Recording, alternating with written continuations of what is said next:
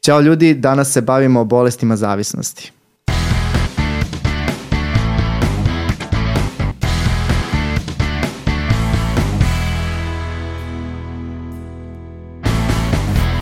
Naša današnja gošća uh, je doktorka Svetlana Vučetić. Uh, pretpostavljam da svi, koji, uh, svi ljudi koji zanima, zanimaju bolesti zavisnosti su već gledali neki njen intervju, pa smo pomislili da nema bolje osobe da o tome i kod nas priča.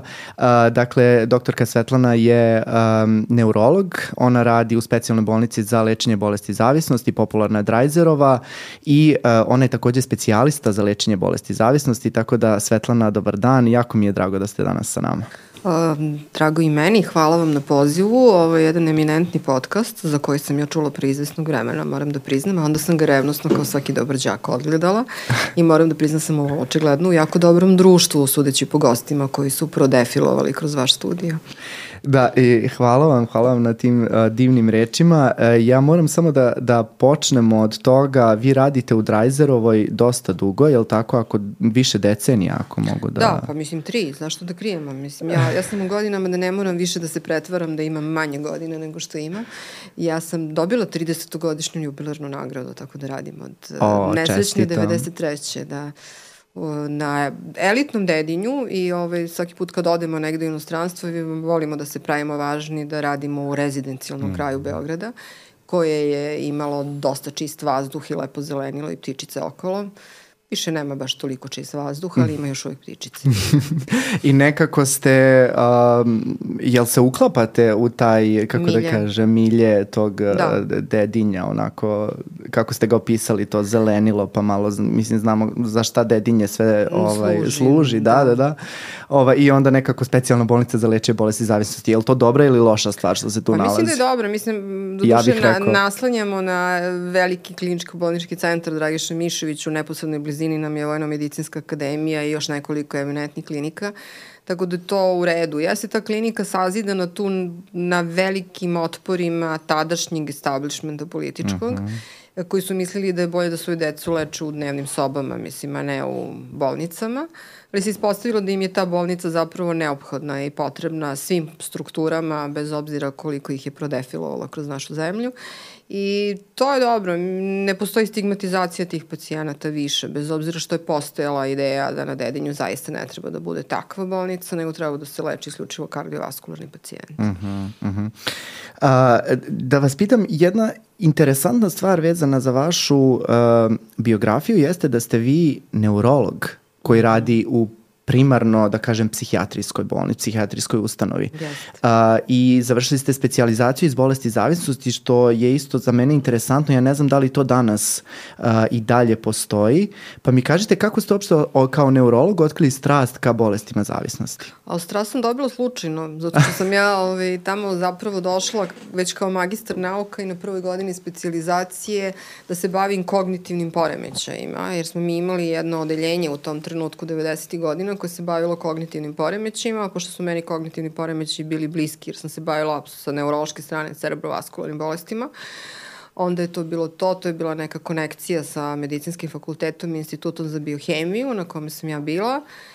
I onda s igrom slučajnosti ja sam tamo ostala i nastavila da radim, tako da sam, moje kolege kažu da sam ja najbolji psihijatar među neurolozima I ovaj, to je verovatno tačno. Uh, I ja sam, nisam jedini neurolog u mojoj ustanovi, ali smo usamljene poprilično što se toga tiče ali sam da bih uh, postigla sve ono što me interesovalo, a na kraju su me zainteresovali ljudi koji su tako mladi, a takve stvari sebi čine.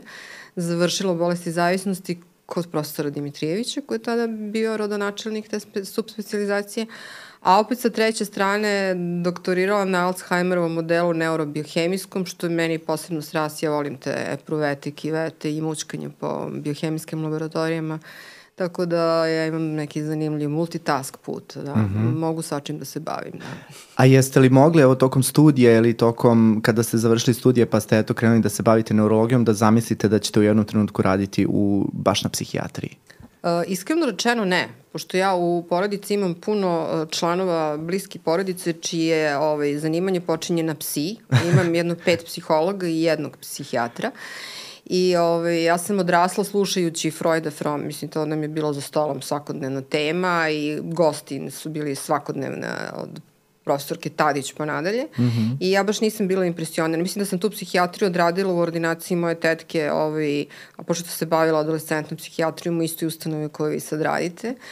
I onda sam nekako to prevazišla. Ja jako volim da znam kako mozak radi iznutra. Mislim, ja sam onaj užasni, egzaktni researcher koji hoće da zna ko je to baš biohemijski mehanizam ovaj, krenuo ili nije krenuo i ako ima neka satisfakcija što se bolesti zavisnosti tiče, a ja sam relativno rano shvatila da to ima veze proučavajući neke druge stvari i slušajući neke pametne ljude, znači nisam najpametnija, recimo profesor Hajman još 2005. godine rekao da su bolesti zavisnosti bolesti mozga i kao takve se moraju lečiti.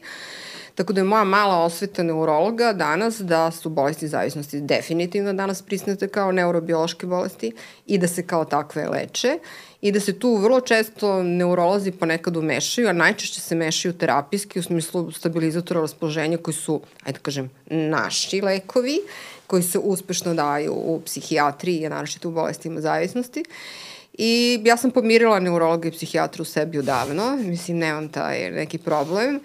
Jesam ja biološki orijentisana, meni je to i dalje jako blisko i e, kako behavioralno, tako i, i ove hemijske zavisnosti, pogotovo su behavioralne, imaju svoju osnovu u tim neurobiološkim modelima I meni to jeste zanimljivo. Mislim, kao nekom ko se bavi nekim istraživanjem i žao mi je što naša zemlja nije dovoljno bogata, jer vi kad odete na bilo koje ECNP i tako dalje kongres, vi ćete vidjeti da je sve ovaj, bazirano na nekim strukturama i manje se bavimo nekim drugim ovaj, modalitetima u psihijatri, što možda i nije dobro, ne treba da prevagne samo jedna strana ali je meni na neki način onako zanimljivo da mi danas tretiramo bolesti zavisnosti baš na taj način, a to je mhm. biološki način, jer mozak je glavni, mozak je dirigent, mislim, mm. ne možete ga osporiti. Drago mi je što ste to pomenuli, jer uh, nekako iz ugla neurologa to dobija još, neurologa koji radi na psihijatriji nekako dobija još, uh, kako bih rekao, više na značaju kada se kaže bolesti zavisnosti jesu bolest mozga i uh, nekako čini mi se i u stručnoj javnosti, a i u, u opštoj javnosti generalno postoji malo znak pitanja da li je to u stvari tako. Jeste, to je 2000, početkom 2000. godina počeo kao pokret da bolesti zavisnosti jesu bolest, bolest mozga, neurotransmiterskih sistema u mozgu i tako dalje, ali i dalje čini mi se postoji otpor ne znam da li samo među porodicama zavisnika, da li, mada viđam i u stručnoj javnosti, da postoji otpor da se zapravo to prihvati. A šta mislite zbog čega je to tako? Zašto nam je teško da prihvatimo da je bolest zavisnosti zapravo bolest?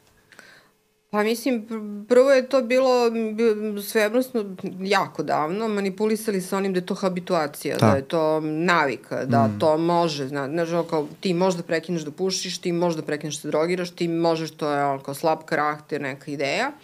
Onda smo se malo pomerili, pa smo onda krenuli na drugu stranu, pa smo rekli, dobro, ona je uh, multitask bolest, znači bolest na koju utiče okolina, pa utiče porodica, pa utiče genetika, to smo malo odradili, ali smo se mnogo bavili time koliko utiče, na primer, porodica. Otprilike, da li su sva deca razvedenih roditelja zavisnici? Nisu. Da li su sva deca ljudi koji nemaju roditelji zavisnici? Nisu.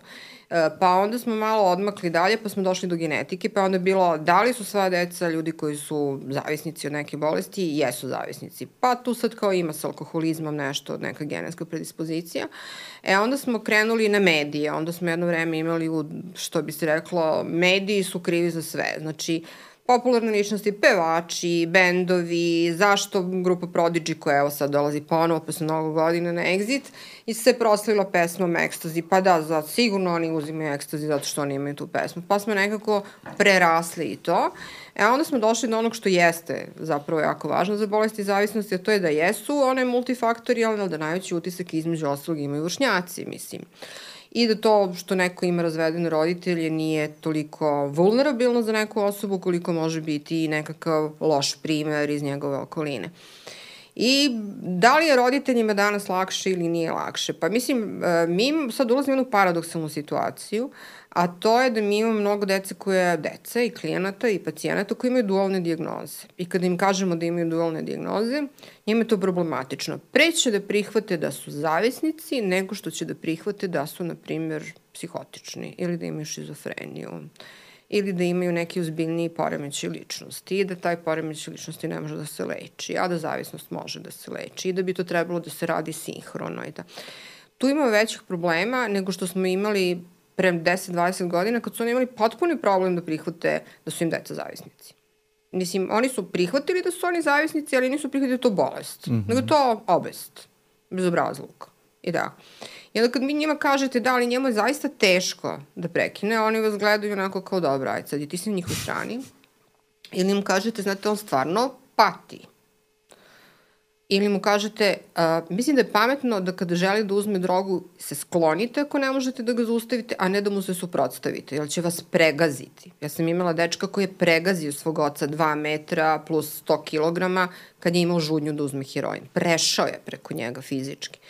I onda je te otac došao i rekao, mislim da, to kao stvarno. Ili prođu kroz, kroz prozor, jednostavno, bukvalno mm. baš prođu. Mm.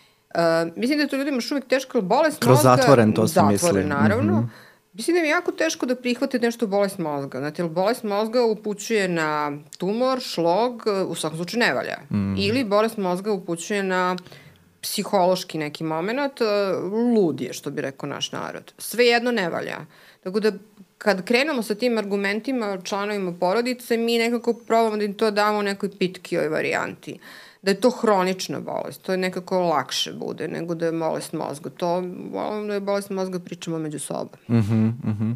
E, bavili smo se nekoliko puta u prethodnim epizodama o tome o dijagnozama i o tome kako je teško prihvatiti neke određene dijagnoze, čini mi se naše psihijatrijske najteže. I upravo zato što su one nekako u nekim delom, evo vi ste upravo verovatno i nesvesno, a možda i svesno jer ste gledali naše prethodne epizode, uh, kada govorimo o poremećajima ličnosti, kada govorimo o tako nekim uh, graničnim uh, regijama psihijatrije gde nije baš sigurno da li je to neurotransmiterski, da li je sredinski, da li smo to mi, jako je teško prihvatiti jer je to nešto deo nas. I da. onda to znači da mi ne valjamo. I onda kada mi to predstavimo kao jednu, evo, hroničnu recidivantnu bolest i tako, nekako to kao da izmešta odgovornost iz nas samih, pa nam je lakše da prihvatimo. Isto tako čini mi se, e sad, verovatno se neki ljudi neće složiti, ali čini mi se da bi nekome lakše bilo da prihvati da ima adenom uh, hipofize ili da ima neku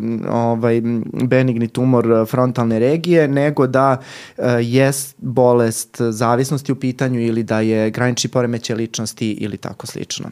Mislim da roditeljima najteže u stvari da prihvate da s njihovom decom nešto nije u redu. Da. Kao i svakom roditelju. Mislim, ja ih tu potpuno razumem. I da to nije prolazno i da neće brzo da prođe i da neće lako da prođe i da nas tu čeka sad jedan veliki posao, što je najgore posao neizvestan. I oni od te prvobitne ljutnje i zaprepašćenosti, e, pošto uvek naravno poslednji saznaju, oni sad treba da prođu jedan jako dugačak evolutivan put da shvate da oni ajde, manipulišu zato što je to zavisnost, zato što oni nisu rođeni takvi da manipulišu, da lažu, da... Ja? I e, da shvate da koliko god se oni ponekad zaista autentično trudili da se izbore sa svojim bolestima, znači to recimo ljudi koji su zavisnici od um, amfetamina, kokaina i tako dalje, koji njima deluje nekako to relativno benigno do nekog trenutka da shvate da su potrošili ogroman novac. E, mm. onda, onda đavo dođe po svoje. Zavisnici od heroina svojim porodicima relativno brzo stave do znanja u kom su oni problemu. Jer oni to fizički vide više, prate njihovo ponašanje i prate taj nekakve um, switch off, switch on e, dnevne promene u raspoloženju, krize i slično, gde oni mogu da prihvate da neko ima grip jedan dan, ali da ima grip svaki dan, to je već malo problematično, a to im liči na grip.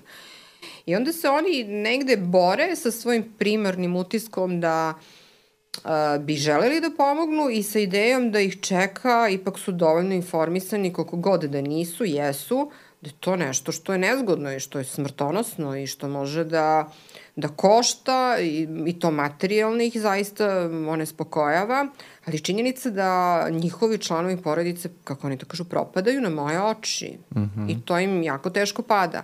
I ne mogu da prihvate da to ne može onako da se operiše, da se, onda bi najradije ostavili tu decu ako može jedno šest godina u bolnici i došli po njih kada budu bili zdravi to im je nekako najbliže i zašto nećete da držite u bolnici duže i zašto može da izađe na lični zahtev i zašto ste tako uh, miroljubivi otprilike prema njima, zašto razumete to, kako možete da kažete da razumete, mislim, nije im baš to ovaj, uvek pitko. Mm -hmm. Nekad im odgovara da lekari budu takvi, a nekad, naročito kad vam dovedu ono, ja to uvek zovem, to je standard jedan sat noću kad upadnu u vašu hitnu službu, onako uznemireni, usplahirani, kažu, aha, on se drogira, želimo da to dokažete, sad vi dokažete da uzima neku substancu, znači sad će da ostane. I sad vi njega ubeđujete i objašnjavate da to ne može tako, da se bolesti zavisnosti leče drugačije. Znači, vi ćete da budete krivi. Sad mhm. kreće priča. Prebacivanje odgovornosti. Prebacivanje odgovornosti. Mm. Ali znate koliko on to već radi? Onda on kaže, ja to radim, na primjer, tri godine. Nema veze, vi ćete da budete krivi. Znači, možemo da ga dovedemo odmah u ponedeljak. Kako bi mogli da taj nekako spakujemo u paket, taj naš problem, i da ga isporučimo. Mm -hmm. I to je tipično za... I da ga dobijemo nazad dobijemo promenjenog, novog, promenjenog, presađenog, naravno, rascveta. Ako, da. ako može, mislim, to tako, jako teško. Ja to razumem, jer sve druge grane medicine idu sa nekom krajnjom, nekim krajnjim pozitivnim rezultatom. Mm -hmm. Mislim, mi o tome ne razmišljamo, ali to je ipak tako. Mislim, generalno, medicina bi trebalo kao kurativa da rešava problem pacijentu. Trajno da mu ga reši. Čak i ovi ljudi koji imaju te hronične bolesti, diabetes, hipertenzija i tako dalje, bubržni, oni imaju neku paletu lekova, imaju neke medicinske modalitete i oni drže to pod kontrolom. Neće svi hipertoničari dobiti šlog ili infarkt normalno. E sad kad vi njima to kažete da, da je njihovo dete bole od neke hronične bolesti, ali ako ne budu uzimalo droge, daće, a? Oni kažu, dobro, to je u redu, ali ima neki čaroban lek, kao kod hipertenzije ili kod šećerne bolesti, pa sad vi dobijete taj insulin i o, to je to. Onda vi kažete, to nema, onda ste razočarani u medicinu, što mm -hmm. beogradsku, što, mislim, svetsku, naravno. Mm -hmm. I e, to je pogotovo slučaj kad pričamo o ovim nekim ponašanjima, odnosno behavioralnim e, zavisnostima, ali do, dotaći ćemo se toga kasnije. E, vidim da se kroz vašu priču stalno provlače roditelji e, i ne znam da li je to zbog vašeg, ovaj, kako da kažem, pošto ste sami ovaj, roditelj i, i baš smo evo pričali ovaj, o, o vašim problemima ovaj, kada je vaša čerka odrastala i tako dalje. E, da li je to zbog toga ili vi stvarno radite najviše sa mladim ljudima kao i ja, to me isto to me zanima. Pa, mislim, ja u stvari radim sa vrlo mladim ljudima. Aha. Mada ja sad imam pacijente koji su uh, dovoljno matori kao i ja. Neki sam upoznala u tim godinama 20. i dan danas su mi pacijenti. Mm. Znači, ostarili smo zajedno. A, neki od njih su, što mi je jako drago, više uopšte ne konzumiraju droge i onda mi dovedu nekog onako za ruku, kao što mi je nedavno doveo uh, svoju pastorku, jedan moj pacijent. Uh, Um, drugi mi se jave samo telefonom da kažu da su dobro, treći dođu da dobiju neki lek koji im treba, recimo, ne znam, neki stabilizator raspoloženja, antidepresivi. Ako možete da napišete da se vidimo na šest meseci, mislim, jer naravno žele da se vidimo i slično, ali u suštini najviše radimo s mladim ljudima i trenutno radimo sa dosta mladom populacijom, znači to su 90. godine, kraj 80-ih, početak 90-ih. Naravno, tu ima i povratnika od heroina i svega ostalog, ali ako biste me pitali sa čim trenutno možda najviše radimo, to su mladi ljudi do 30 godina koji konzumiraju sinhrono bezodjezepine, alkohol, kockaju se i piju e, najrazličitija pića i to su ljudi do 30 godina. I sa njima imamo negde u posljednje vreme najviše posla i oni nas nekako najviše zapljuskuju i drugi talas, ali to više moja koleginica do mene, to su zavisnici ili probatori od marihuane, što je logično, to je najraširenija psihoaktivna substanca, s tim što su to ljudi koji su od strane suda najčešće upućeni na neku vrstu procene, oportuniteta, da li su zavisnici ili nisu. I mi imamo takve pacijente, pošto ja vodim dnevnu bolnicu za detoksikaciju, um, koji dolaze kod nas čak iz stranih država, ih upućuju iz njihovog sudstva, da mi procenimo jesu li oni zavisnici od kokaina ili od marihuane ili su prosto ljudi koji su se zatekli sa određenom količinom. Toga ima dosta i to je postalo na neki način trend. Mm heroin polako odlazi Iščezava. u istoriju. Da. Mm -hmm, mm -hmm. Uh, I vi ste pomenuli, znači radite u dnevnoj bolnici. Dnevna bolnica važi za jednu prihvatljiviju opciju lečenja, da. ako mogu da primetim to iz, iz neke moje, ma, kako da kažem, kratke prakse u bolestima zavisnosti. Uh, ko se, evo da sad razjasnimo ljudima koji slušaju, Ko se uopšte kvalifikuje da se leči u dnevnoj bolnici, a za koga je e, potreban tretman malo intenzivniji, da kažem, bolničkoj, hospitalno zatvorenoj ustanovi?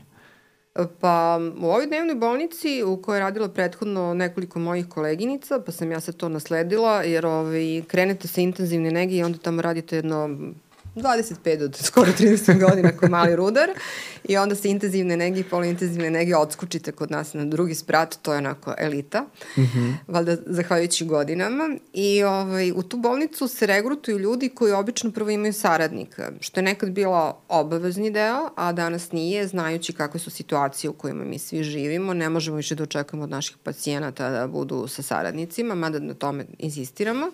Onda to su ljudi koji na neki način mogu da prihvate taj program koji podrazumeva jedan komfor, jer komfor jeste, odeš, primiš terapiju, razgovaraš, vratiš se kući i tako, ali koji imaju neku vrstu pokušaja samodiscipline, mislim, koja je na probi, koji, pored toga što imaju saradnika, najčešće su to ljudi koji se uvode na neke od programa ili se detoksikuju. Oni koji se detoksikuju, detoksikuju se vrlo često sa buprenorfina, na primer, ili sa heroina, ili sa kokaina, amfetamina ili alkohola ili slično.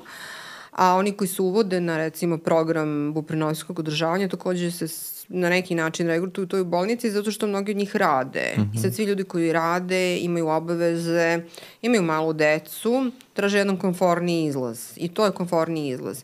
Naravno, mi međusobno jako dobro sarađujemo, tako da ako neko ne može na ovaj način da se detoksikuje ili leči, on mora da uđe u neke zatvorene uslove. I suprotno, kad završi ovo vrstu programa, većina njih, ako imaju kapacitet, se regrutuju za dnevne bolnice, prave dnevne bolnice, koje, kad kažem prave, one znači mnogo duže traju nego naša. Naša traje oko tri meseca sam tretman. Uh, To su bolnice koje traju po dve godine i koje imaju lečenje kako behavioralnih zavisnosti, tako i hemijskih zavisnosti, imaju ozbiljne programe, rehabilitacijone grupe i mi smo valjda jedina bolnica koja sada ima i te klubove lečenih kockara, što je ovako posebno zanimljivo, mm. pored klubova lečenih alkoholičara. I ti pacijenti zapravo ulaze onda jedan sistemski program koji podrazumeva i rehabilitaciju i lečenje i pripremu za neki dalji život ako je to moguće, a moguće je. Mm. Koliko traje? Dve godine minimum. Dve godine, da. A, je li isto traje i kada je intenzivnije hospitalno lečenje i tretman u dnevnoj da, bolnici? Da, da znači mm -hmm. tretman u dnevnoj bolnici sam po sebi traje dve godine, a tretmani na intenzivnoj i poluintenzivnoj nezi ili na odeljenju koje je za politoksikomaniju, koje najčešće zbrinjava e, kockare, zavisnike od alkohola, tableta, stimulanasa, tu program prilagođen u zavisnosti od toga od koje vrste substancije se oni leče. Mm -hmm jer smo primetili da m, pacijenti koji su mladi i koji imaju do 30 godina ne mogu da isprate program koji traje duže od 2,5 do 3 nedelje, dok zavisnici od alkohola to mogu. Znači samo od alkohola mogu da isprate program od 4 nedelje i više. Ove mlađi ne mogu, a njih najviše imamo u poslednje vreme. Mm -hmm. Tako da oni vrlo često Mislim, uzimanje kokaina jeste zaista specifično i oni vrlo često su to ljudi koji zapravo kao stil života imaju inkorporirano uzimanje alkohola, kokaina ili se kockaju. I najteže takve ljude i motivisati da se leče i na neki način ih integrisati u neki od modaliteta lečenja. Jer oni su, njima je jako teško da se odreknu tog stila života. I e, većina njih e, funkcioniše na taj način što ima novca, još uvek dovoljno, imaju neka zanimanja i kod nas ih dovede neki slučaj, najčešće taj slučaj ili neki saobraćeni udes ili neka krivična prijava ili neki krivični proces. Uh, ja imam nekoliko pacijenata koji su za malo postali ozbiljni invalidi zbog vožnje u, pod dejstvom kokaina. I njihovi roditelji onda i njihovi saradnici kreću da shvataju koliko taj problem ozbiljan. Jer oni su mislili da to što neko napravio udes ne znam kao kog stepena i izvukao se u 5 sati ujutru eh, pod dejstvom kokaina i alkohola, da je to slučajnost, da se to desilo jednom u životu, a ne da je to njihov stil života, da oni svaki put kad izađu to rade. Jer ne umeju da prepoznaju da li je neko pijan ili je neko pod dejstvom kokaina. Uh, E kad krenu problemi materijalne prirode i kad se shvati koliko se novca potrošilo, onda shvate da oni se možda usto i kockaju i sve ostalo. I onda, mhm. on, on, onda se nekako otvaraju te situacije. A opet mhm. imamo i generaciju koja je ozbiljno starija, 45 do 55 godina, koji sebe deklarišu kao biznismeni, VIP ličnosti i slično, koji konzumiraju kokain godinama i koji zbog nekog zdravstvenog problema sad shvataju da moraju da prekinu. Oni su tek zanimljivi da, kao pacijenti. Da, da, da, da, da. Jer oni su ubeđeni da, se, da su svi na kokainu i da su svi njihovi prijatelji, da svaki njihov biznis sastanak se... Da sam vodila razgovor s jednim gospodinom i sad tako noću u, u hitnoj službi koji mene apsolutno žele da ubudi da oni ne može da vodi sastanak, da na tom sastanku svi prvo izvuku cevčice i onda pošmrču liniju i onda počnu da razgovaraju o zidanju zgrada. I ja kažem, meni stvarno jako žao, bojim se da ne možete u to da me ubedite koliko god se vi trudili, mislim. Mm -hmm. Ne mogu da prihvate uopšte da, da oko njih postoji život koji nije vezan za droge. Mm. Oni su mnogo teži pacijenti nego ovi mladi. Mm. Da. E, imam mnogo asocijacija i posle ćemo pričati nešto što se zove i zavisnička ličnost i pretpostavljam da, da, da o tome dosta, dosta znate, ali mi je, um, čini mi se jedno od najbitnijih pitanja koje dobijam ovako u svakodnevnom životu jeste da li će moje dete postati narkoman ukoliko je pa tri tačke. Sad, da li je Uh, ono što sad dobijam u poslednje vreme jeste ukoliko uzima vape ili bilo koje druge te isparive duvane ili ne, ne nikotinske, da li to znači, jer, jer nekako je poznato u narodu ona progresija od marihuane do heroina, E sad, da li svaki, kako ste rekli, probator uh, marihuane će doći do zavisničkog staža? Da. Kako uopšte to, um, kako objasniti to ljudima, taj koncept uopšte nastajanja zavisnosti?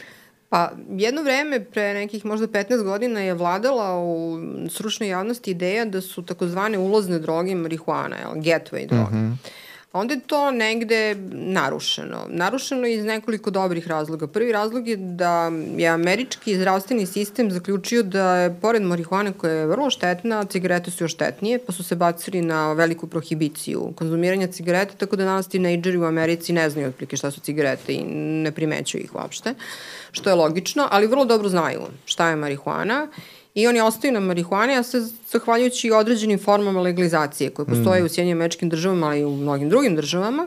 Tako da se oni sad sukobljavaju sa jednim drugim problemom da njihova omladina e, konzumira, sad ja pravim digresiju, kanabis koji sadrži mnogo veći procenat THC-a i do 50-70% nego što je sadržao nekada, a njima prodaju oni koji imaju pravo da to kupuju. Mislim, tako da su oni sad u toj nekoj vrsti problema. Uh, ali nije pravilo, mada određeni upitnici koje mi koristimo, jedan od tih upitnika se zove takozvani Pompidou upitnik ili TDI, pokazuju, bar na populaciji heroinskih zavisnika, da im jeste prva droga bila marihuana. Uh mhm. -huh. Ali ja kažem, scena u Beogradu i u Srbiji kao i u svetu se bitno promenila. Nekada jeste na ovim područjima, ajde kažemo, glavna droga, pored marihuane, bio heroin. Danas to više nije. I to tako nije više ni u svetu. I onda, tada je možda i bilo normalno da oni probaju marihuanu pa da nastave sa heroinom. Danas mi imamo decu, što sam ja slušala pre možda 10 godina u zemljama Beneluxa, da moj kolega kad smo radili neko istraživanje, uh, prva droga je njima tamo bio buprenorfin, znači lek koji mi danas dajemo kao i oni daju za opijetsku zavisnost. On je nije mogo da nađe 100 pacijenata koji su heroinski zavisnisti, ali iz mesta mogo da nađe 100 pacijenata koji su buprenorfinski zavisnisti. E sad, ako to povežete, ima to svoje, mislim, to je činjenica. 514.000 ljudi u Evropskoj uniji na substitucionim programima. Znači, mm. ima objašnjenje zašto je to tako. Ali, uh, Da li će dete postati zavisnik ako uzima recimo elektronske cigarete? Ja mislim da je problem sa elektronskim cigaretama kao i sa ovim e, nargilama u tome što to ima određenu dozu štetnosti o kojoj se ne priča. Nargila su u tom smislu mnogo štetnije. Kao i recimo potpuna histerija od pre nekoliko meseci sa snusom, mislim, koji je uh, koje je prilično daleko od naše zemlje i koliko god da postoji i sporadično se javlja, ne možemo kažem naša omladina ko konzumira snus u nekim, ne znam... A možete vam kažete šta je snus? Aha. Snus je beznivni duvanski proizvod koji se pakuje u malim vrećicama i stavlja se kao neka vrsta minijaturnih vrećica čaja na desni, odnosno na gingivu, stavlja se ovako obično gore ili dole u usnoj duplji i onda se ono otpušta nikotin. Problem sa snusom je u tome što to tradicionalno 16. 17. 18. veka u Švedskoj i u tim zemljama preparat koji se koristi i po svojim osobinama se razlikuje recimo od burmuta koji se koristi u Sjednjim američkim državama. Najveći problem je u činjenici da, sem što on nije legalizan, sve neke 3-4 zemlje, kao što, mislim, Švedska, Estonija, mislim, Litvanija, ne znam ko beše četvrta više, da on ima veliki procenat nikotina. Obično je on aromatizovan ukusom jagode, mentola, eukaliptusa i slično. I oni to tamo tradicionalno koriste kao neku vrstu substance koja je dozvoljena. Ali procenat nikotina je, recimo, čini mi se desetostruko veći nego procenat nikotina u standardnim cigaretama. I onda su se pojavili istraživanja koji su ih prvo optuživali za oralne tumore, pa onda za tumore pluća, pa onda za tumore neke druge i slično povezivali sa kardiovaskulnim oboljenjima. Tu su prilično zanimljivo istraživanje s jedne i s druge strane, dosta podeljena. Ali se pojavilo u našoj zemlji, pa koje su kutijama koje me najviše liče na kutije za imalina, onako metalne mm. su pa. I pojavilo se među našim mladima i odmah je krenula apsolutna histerija. Da li naša omladina to konzumira? Pa mnogo manje nego nargile koje su same po sebi veoma opasne za respiratorni sistem, jer u najmanju ruku možete dobiti mikoplazmu, mm. mislim, a nećete da dobijete možda neku drugu bolest. I to je prilično rasprostranjeno i uh, vrlo afirmativno ljudi koriste kad idu na letovanje, potpuno ne razmišljajući o tome to što su dobili taj pisak koji je sterilan ne znači da je čitav sistem sterilan. Da ne ulazim u to šta udišu. Mislim, mm. tradicionalno se na azijskom kontinentu uzimao hašiš, mislim, to nije nikakva tajna. Uh, E sad to što su to neke zemlje koje možda prohibuju hašiš, to je onako činjenica. Mm. I da se vratim na vaše pitanje posle ove profesorske, zvuči vrlo profesorske digresije, a nisam. Um, ja lično smatram da niko neće postati zavisnik ako jednom proba neku substancu, ali ne preporučujem da nikad u životu proba tu substancu. E, moj vrhunac, evo priznajem javno, probanje substance je bio Lilihip, od TZV marihuane u Amsterdamu, od mm. koga mi nije bilo ništa, vrlo sam sedela, donela sam ga u Srbiju, pošto to može, proučavala sam ga, polizala sam ga i nisam shvatila i došla do zaključka da niko kao Amsterdam ne ume da proda kvazi droge. Naravno, proda i prave droge i to sam imala prilike da vidim. Uh, znači, od jednog konzumiranja, koje apsolutno ne preporučujem, niko neće postati zavisnik, ali od repetitivnog uzimanja svako. Šta nam radi to repetitivno uzimanje, evo da kažem, neurobiološki? Je, jel stvara neke, da kažem, promene koje su posle ireverzibilne, da ne možemo da ih vratimo? E, kako koje droge, ali mm -hmm. činjenično da.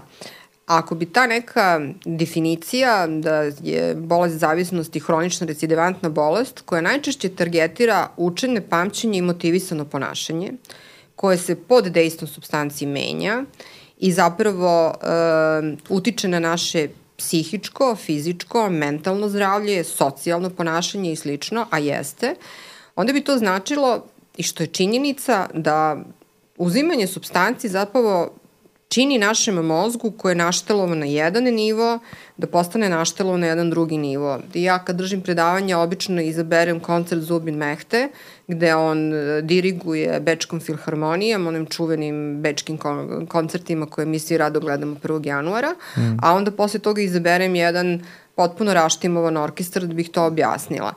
E, naš mozak funkcioniše idealno, ali on je jedan ozbiljan egzekutor iz prostog razloga što je najgore zlopamtilo na svetu. On nikad ne zaboravlja zadovoljstvo. I svako zadovoljstvo koga se mi sećamo, počevši od detinjstva do danas, bez obzira kakvo je, je duboko zabeleženo engramski, a to je opet biohemijski, kao nešto što nećemo zaboraviti. Ja on tako zlopamtilo, neće da zaboravi nikad repetitivno uzimanje nečega što mu donosi zadovoljstvo u njegovom sistemu nagrađivanja ili limbičkom sistemu, nije bitno, našem arhetipu mozga, reptilskom. I on to pamti. E, istraživanja su pokazala da, recimo, pri repetitivnom uzimanju kokaina cvetaju dendriti neurona. Da pojasnim, to su poprečni ogranci e, neurona koji su međusobno povezani i tako funkcionišu međusobno neuroni, mada oni ne prenose glavne signale na takav način i da čim se obustavi uzimanje, oni pupe kao kad sad posmatrate u prirodi pup, pup, pup latice ruže koje kreću da se rasvetavaju. Čim ukinete kokain, znači posle 30 minuta oni splasnu i to je dokazano na biohemijskom nivou. Neke promene su irreverzibilne, neke su reverzibilne. Recimo, konkretno za kokain i amfetamin, ako se prekine unutar godinu dana, sve promene se povlače, ali ako se ne prekine, one će ostati. Slično je i sa heroinom. Broj opijatskih receptora se tangencijalno povećava, ali može da se spusti. Mi to znamo najbolje iz kliničke prakse. Ako mi nekog detoksikujemo od heroina i ako on već posle 10 do 12 dana uzme istu dozu heroina sa kojom je došao, on će završiti u overdozu. Što znači da je njegovo zasićenje tih opijatskih receptora u tom trenutku nepotrebno veliko, hmm. ima znači nepotrebno veliku količinu heroina koju je uzeo i to će mu se dogoditi. I zato mi imamo te, u nekim pametnim zemljama uče pacijente i to im kažu. Mi smo bili malo onako kako bi se reklo, uh, uh, old fashion škola, pa smo počeli na kraju i mi, da kažemo pacijentima da nikako ne uzimaju istu dozu heroina ako slučajno naprave recidiv jer će završiti zaista u overdozu, koji se drastično smanjuje recimo od 2008. do danas, sad vi imate negde možda 20 30 smrti recimo samo od opijata prijavljenih u našoj zemlji, kažem samo, što je strašno, ali u odnosu na neke stotine to je ipak mnogo manje. Jer sam ja nešto proučavala te overdoze, letalni i neletalni ishodi i onda mi je to nekako bilo blisko. Ali hoću da kažem da uh, većina droga zapravo, iako ostavi određene morfološke strukturne promene, mozak je neuroplastičan i on se navikne, ali može i da se odvikne. Najveća ideja ljudi koji su istraživači, a koji pokušavaju da nađu idealan lek za bolesti zavisnosti je da zavara mozak da kad se uzme droga ne oseti zadovoljstvo. Kao ako ga pređemo kao ono kao jedete sladoled, ali u stvari imate slan ukus u ustima. Znači sve jednom je ono kako su ljudi imali koronu pa nisu imali osjećaj ukusni mirisa, kao šta god jedete, isto vam je. To je neka ideja koja traje decenijama, gde se pokušava da se izmisle lekovi koji će blokirati zadovoljstvo. Pa sad ti uzimaj šta god hoćeš, šta god ti se sviđa, ali ću ja ali da ti blokiram. dobijati taj haj. Nećeš da dobiješ mm. taj, ali to je vrlo komplikovano zato što droge tangen, idu na tangente određenih drugih neurotransmiterskih sistema, ali najviše naravno dopamina, ali opet opijati za opijate, THC za kanabirne receptori i slično. I onda se krenulo relativno skoro u ideju da se dedopaminizuje organizam, što je tek nakaradno, jer mi šta god da radimo, nama dopamin skakuće. Mislim, i kad dobijemo lajkove, nama dopamin skakuće. I kada igramo igrice, ona, ali kad se kad, kad uživamo u hrani, on skakuće i kad doživimo nešto fantastično, odemo u Kapadokiju pa letimo onim balonom, a mi kažemo, ja, to nam se dešava. I sad kako ćete vi jedan prirodni neurotransmitor da ga kao nešto srozate? To je odmah svetska javnost, iako je bila oduševljena, dočekala na nož, mislim, naučna, rekla da ste normalni, kao pa mislim, mozak ne funkcioniše. Ali, onda dođemo do VR-a koji je Apple smislio i konačno pustio 5. juna i da moram da se to vratim jer sam šokirana ove godine. Znači, virtualna inteligencija ili kako se to zove spacijalni kompjuter mm, mm. koji bi trebalo da nosimo na glavi i koji bi trebalo da nam da, kako bi se to rekao, miks e, iracionalne i racionalne stvarnosti. I mi sad šta radimo? Zavaravamo svoj mozak na jedan vrlo dehumanizovan način. Ništa manje ozbiljan nego što je uzimanje psihoaktivnih substanci po meni. I ništa manje opasan po meni, jer ako se vi i ja za neki godinu dana sretnemo sa tim na glavi, da vi nećete videti moje oči ni ja vaše, nego ćemo imati nacrtane oči koje će produkovati kompjuter i onda ja s vama pričam ovako, e, pomeram rukom kao kreten, e, jer biram sa aplikacije nešto što ću da vidim Nisam sigurna da će ljudi gledati na moje i vaše ponašanje afirmativno, ko što ni mi danas ne gledamo afirmativno na ponašanje ljudi koji uzimaju kokain. Da podvučem, Suština je u tome da bi bilo idealno da pokušamo da svoj mozak ne bombardujemo onim čime ga bombardujemo, bez obzira da li su to droge ili su to neke behavioralne zavisnosti ili oblici ponašanja generalno per se koje nas mogu nešto dovesti. Jer on to jadan ne može da izdrži. Mm. I, jako mi se sviđa to e, što ste naglasili da mozak nikad ne zaboravlja zadovoljstvo, ali čini mi se iz neke druge perspektive nikada ne zaboravlja ni traumu, ni strah. I e, kada idemo e, nekako druga strana te iste medalje, čini mi se da imamo i ljude, bar ih ja znam iz, iz svog okruženja, koji su nekada probali nešto i doživjeli stravično iskustvo. Da li je to bio popularni bad trip od LSD-a ili je to bio panični napad mm -hmm. od, e, od THC-a ili je to bilo um, hipertermična neka kriza mm, od ekstazija i tako dalje i nikada više nisu probali, što možda je, da kažem, averzivno protektivna terapija za njih. Super. da, da, da. Ovaj, tako da s te strane E, e, čini mi se znači ta, ta inicijalna reakcija na uh, substancu uh, i u stvari stvara nam predispoziciju da ćemo da. možda u, u, u, uplivati u taj uh, svet zavisnosti. Ovaj. Pa znate kako, ja sam duboko ubeđena gledajući i radeći tolike godine sa mladim ljudima, pacijentima, ali nekako i družeći se sa... Ja, sa ljudima. Sa ljudima. Moj najveći ovaj, E, to je ono kad niste dovoljno informisani. Jedan od najvećih blamova u životu je bilo kad sam razgovarala sa ocem e, školske drugarice moje čerke koji se pojavio kao dobar samaričanin da leči jednog zavisnika iz njihove porodice. I sad mi svi sedimo i pričamo i ovaj, ja sad pokušavam da tog njegovog e, mladog člana porodice ubedim da ne znam, treba ostane u bolnici i tako dalje i kažem pa dobro, mislim evo on će dolaziti, a on se okreće ka meni i kaže Pa dobro, znaš, heroin je ozbiljna stvar, ali marihuanu, pa svi smo je uzimali, zar ne? A ja ga gledam i sad kao šta, šta da mu kažem? Mislim, ne, nismo uzimali. ne, ne, baš ste mi sad ovako učinili. baš ste mi, mislim, pogodili ste mi ovako temu i slično. Niko što se pokopa ponekad da. kao članovi porodice ili ti ga roditelji. Ali jednostavno Um, vi ako hoćete da, da uradite nešto sa sobom, vi ćete to uraditi i niko vas neće u tome sprečiti. Adolescencija, znate i sami, psihijatar ste, je doba koje je možda najzanimljivije, koje su naše bake zvali mladalačko ludilo i mislim, nemoj da me nerviraš, nego idi obriši tu kuhinju i mm. tako, mislim, ne znam u čemu si, da li si u adolescenciji, ali mislim, idi obriši tu kuhinju pa ćemo onda da razgovaramo. Ili si u pubertetu, u čemu si u pubertetu, sam baš me briga što si u pubertetu, mislim, to je tvoj problem. Mm -hmm. To te ne lišava da, to te ne lišava da. nikakvih obaveza, možda budeš u čemu god hoćeš. Um, ja i dan danas kada razmišljam sa, i pričam sa nekim pacijentima, ponekad pomislim ovaj čovjek nije imao šans. Recimo imala sam jednu pacijentkinju za koju sam rekla ona nije imala šans. Mm. Znači kad vidite, kad sakupite celu priču, ona mora da bude od kamena da ne bi skliznula u nešto. I mnogi ljudi u nekim situacijama, potpuno ih razumete, zašto skrenu iz nekog anksioznog poremećaja, toga imamo dosta u benzodiazepinsku zavisnost. Mm. I to tako skliznu da je to strašno. I onda, sad, onda se bore sa tim. Mislim, bore bore, bore. Mislim, baš je teško, stvarno, znate i sami koliko teško lečiti ljude od benzodiazepina, dugo, istrajno mm. i tako. Mislim, i to radimo i to je tek onako junački posao. Ali s druge strane, većina ljudi je probatorska. I kad ih pitate, oni su probali zbog utice vršnjaka. Ja ne mogu te vršnjake, htela ne htela, da gurnem po tepih i da kažem oni nisu bitni. Bitni su. Nažalost su bitni, jer oni ih donesu u društvo.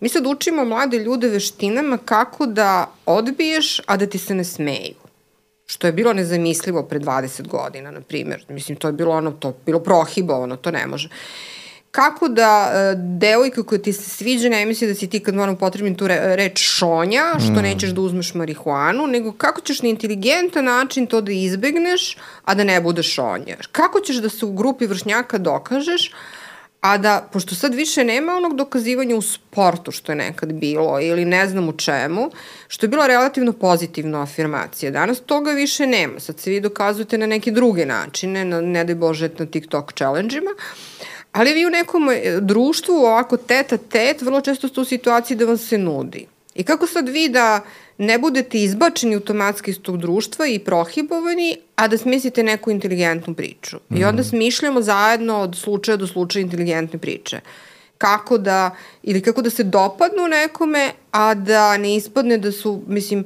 jer je jako teško, mada sam ja bila skoro u neke tri vrlo specifične beogradske srednje škole, od kojih je jedna bila muzička gimnazija, koja je fantastična, gde sede neka fantastična deca, i ja sam bila iznenađena kako oni razmišljaju. Zaista, bila sam oduševljena, došla, baš mi je žao što to nismo snimali, mislim, sjajna deca, mm. koja nemaju taj problem, ali zato što su to deca koje su talentovane Oni su svako je za sebe poseban. I oni nemaju taj problem da sedu u društvu. Oni su već izopšteni na neki način iz društva. Zato što su, se bave nečim sasvim drugim. Mislim, drugačiji su.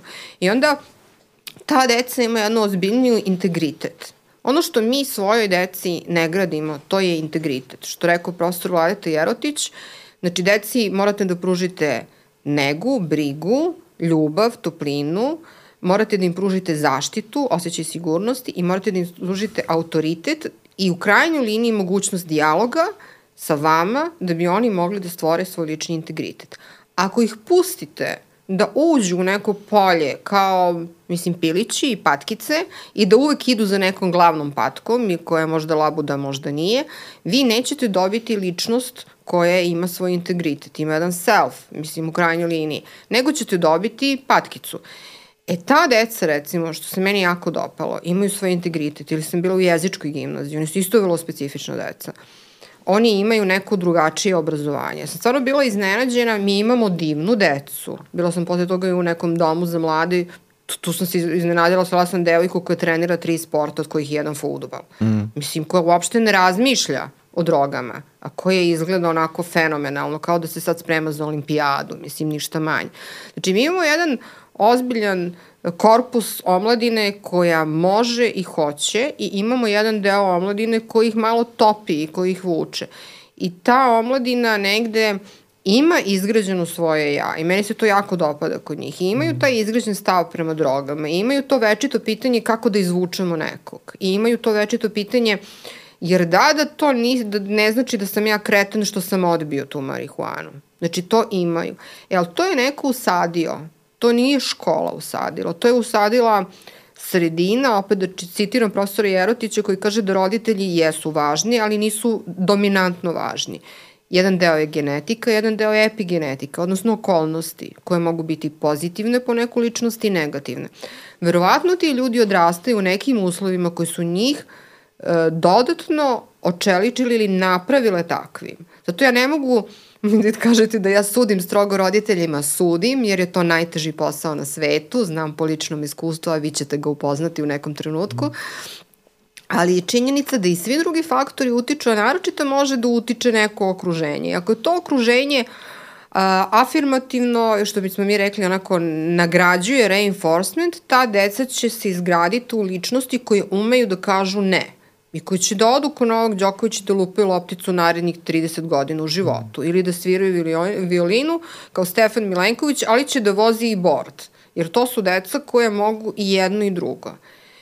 E, ali onda s druge strane mi imamo decu koji su roditelji gurnuli u 10.000 obaveza koje oni nikad u životu nisu vodili i onda ta deca i pod stresom i bez stresa more, ne mogu nigde da se dokažu. Na kraju se nigde ne dokažu i onda ta deca nažal, nažalost će da se dokažu na nekoj žurci, da će mm. neko da im kaže da su totalno bez veze i kao totalno si out ako nećeš da uzmeš šot. Mm. Kao, kako, kako možete da ti kao piješ tu Coca-Cola, mislim, šta izigravaš, mislim. A to je vreme gde vi zavisite od onih koji su oko vas. Mm. Ja to potpuno razumem. A mislim da možemo tu da gađamo na dva fronta. Vi sa jedne strane uh, gradite tu uh, kulturu uh, odbijanja, odnosno da kaže, da, da, da osobi objasnite na koji način može da odbije nešto, a da ne bude zanemaren. Na druge strane ima ono što se zove peer support, odnosno Tačno, uh, gde, gde gra, da, vršnjačko jednu podršku gde gradimo jedno, ma, čini mi se malo, uh, upravo osnažujemo te, yes. uh, te ljude o kojima ste pričali, tu grupu ljudi, yes. da je proširimo, da je osnažimo, da imaju jači glas i da uh, uh, ih nekako osposobimo da podržavaju ljude koji kažu ne. Da, to je takozvana vršnjačka edukacija. Mm. Mi smo to pokušali da, da sprovedemo u delo pre mnogo godina, ali naš kao što vidimo, nažalost, ovaj edukativni sistem je prilično komplikovan i prilično arhaičan. Mm i on zahteva 300.000 dozvola i 200.000 e, potvrda i slično i vrlo je to komplikovano da vi sad, sad e, divim se ljudima koji rade za, za, za to vršnjačko nasilje jer oni su valjda uspeli da pokupe sve te potvrde i da to sve, mislim, urade, kao i vaše institucije koja je prvo priskočila u pomoć kad se desila ova neviđena tragedija koja nas je sve potpuno poremetila. Uh, ali je činjenica da mi u tome baš nismo pretarano uspeli da, da, da stignemo, jer e, vršnjačka edukacija je prava edukacija. Mnogo je lakše ako edukujete e, gomilu klinaca koji će da priđu svojim vršnjacima, nego ako im dođe neka gospođa koja, mislim, koja je ono trostruko starija od njih, mislim, i krene nešto da im priča. Mm. Mislim, to je normalno i logično. I to ljudi rade u svetu. I, mislim, rade sa decom još u obdaništu. Mm. To je činjenica. Uh, međutim, naš sistem je takav kakav je. Malo je trom, malo to, mi to više razumemo po principu uranilovke nego što razumemo da je to, da to mora da prođe kroz generacije, da bi se primilo, kao i sve drugo, mora da se prihvati. A da bi se prihvatilo, morate da počnete sa tim, jer to je najbolji put. Mislim da je to najbolji put da ozdravite naciju, mm. jer ti ljudi će jednog dana sedeti na vašem i mom mestu i odlučivati o nekim stvarima koje su dobrobit njihove nacije i njihove dece i pokoljenja. Ako nemate takve ljude, vi ćete stalno štancovati neke generacije kojima negde nešto ozbiljno nedostaje. Meni se stvarno čini da je to pravi put, jer e, iz dva razloga. Prvi razlog je zato što u tim godinama adolescencije društvo jeste nešto što je primat za svaku osobu Naravno. koja se nalazi u tim godinama. Sa druge strane, upravo ovo što ste rekli, vrlo često se osjećam, iako nemam uh, toliko godina, niti staža, niti života, uh, osjećam se kao jedan u nizu uh, matoraca koji smaraju uh, dete. Onako, doveli su mi posle, vrlo često smo mi psihijatri, mm -hmm. to ve, mhm. pretpostavljam već znate, poslednju nizu da. osoba da. koje gledaju to dete i razgovaraju sa njim. Znači, to su obično prvo roditelji pa neka uh, hiperangažovana tetka i onda sa ovaj onda se dovede neka neki recimo trener ili nastavnik, direktor škole, pedagog, psiholog, uh, lekar opšte prakse, pedijatar i onda na kraju dolaze kod dečijeg psihijatra ili psihijatra, neurologa kako god hoćete i onda smo mi samo mi imamo neki drugačiji pristup i to često urodi plodom, ne svi naravno, ne sve moje kolege, ali uh, neki od neki od nas imamo neki malo drugačiji pristup, pa čini mi se još i kad radimo sa mladima znamo kako da i priđemo i informišemo se. Vi pričate o TikToku, pričamo o uh, snuzovima, kako ste rekli da se zove? Na Snus. Snusovima, da, i tako, znači informišemo se, imamo neke podatke, ali opet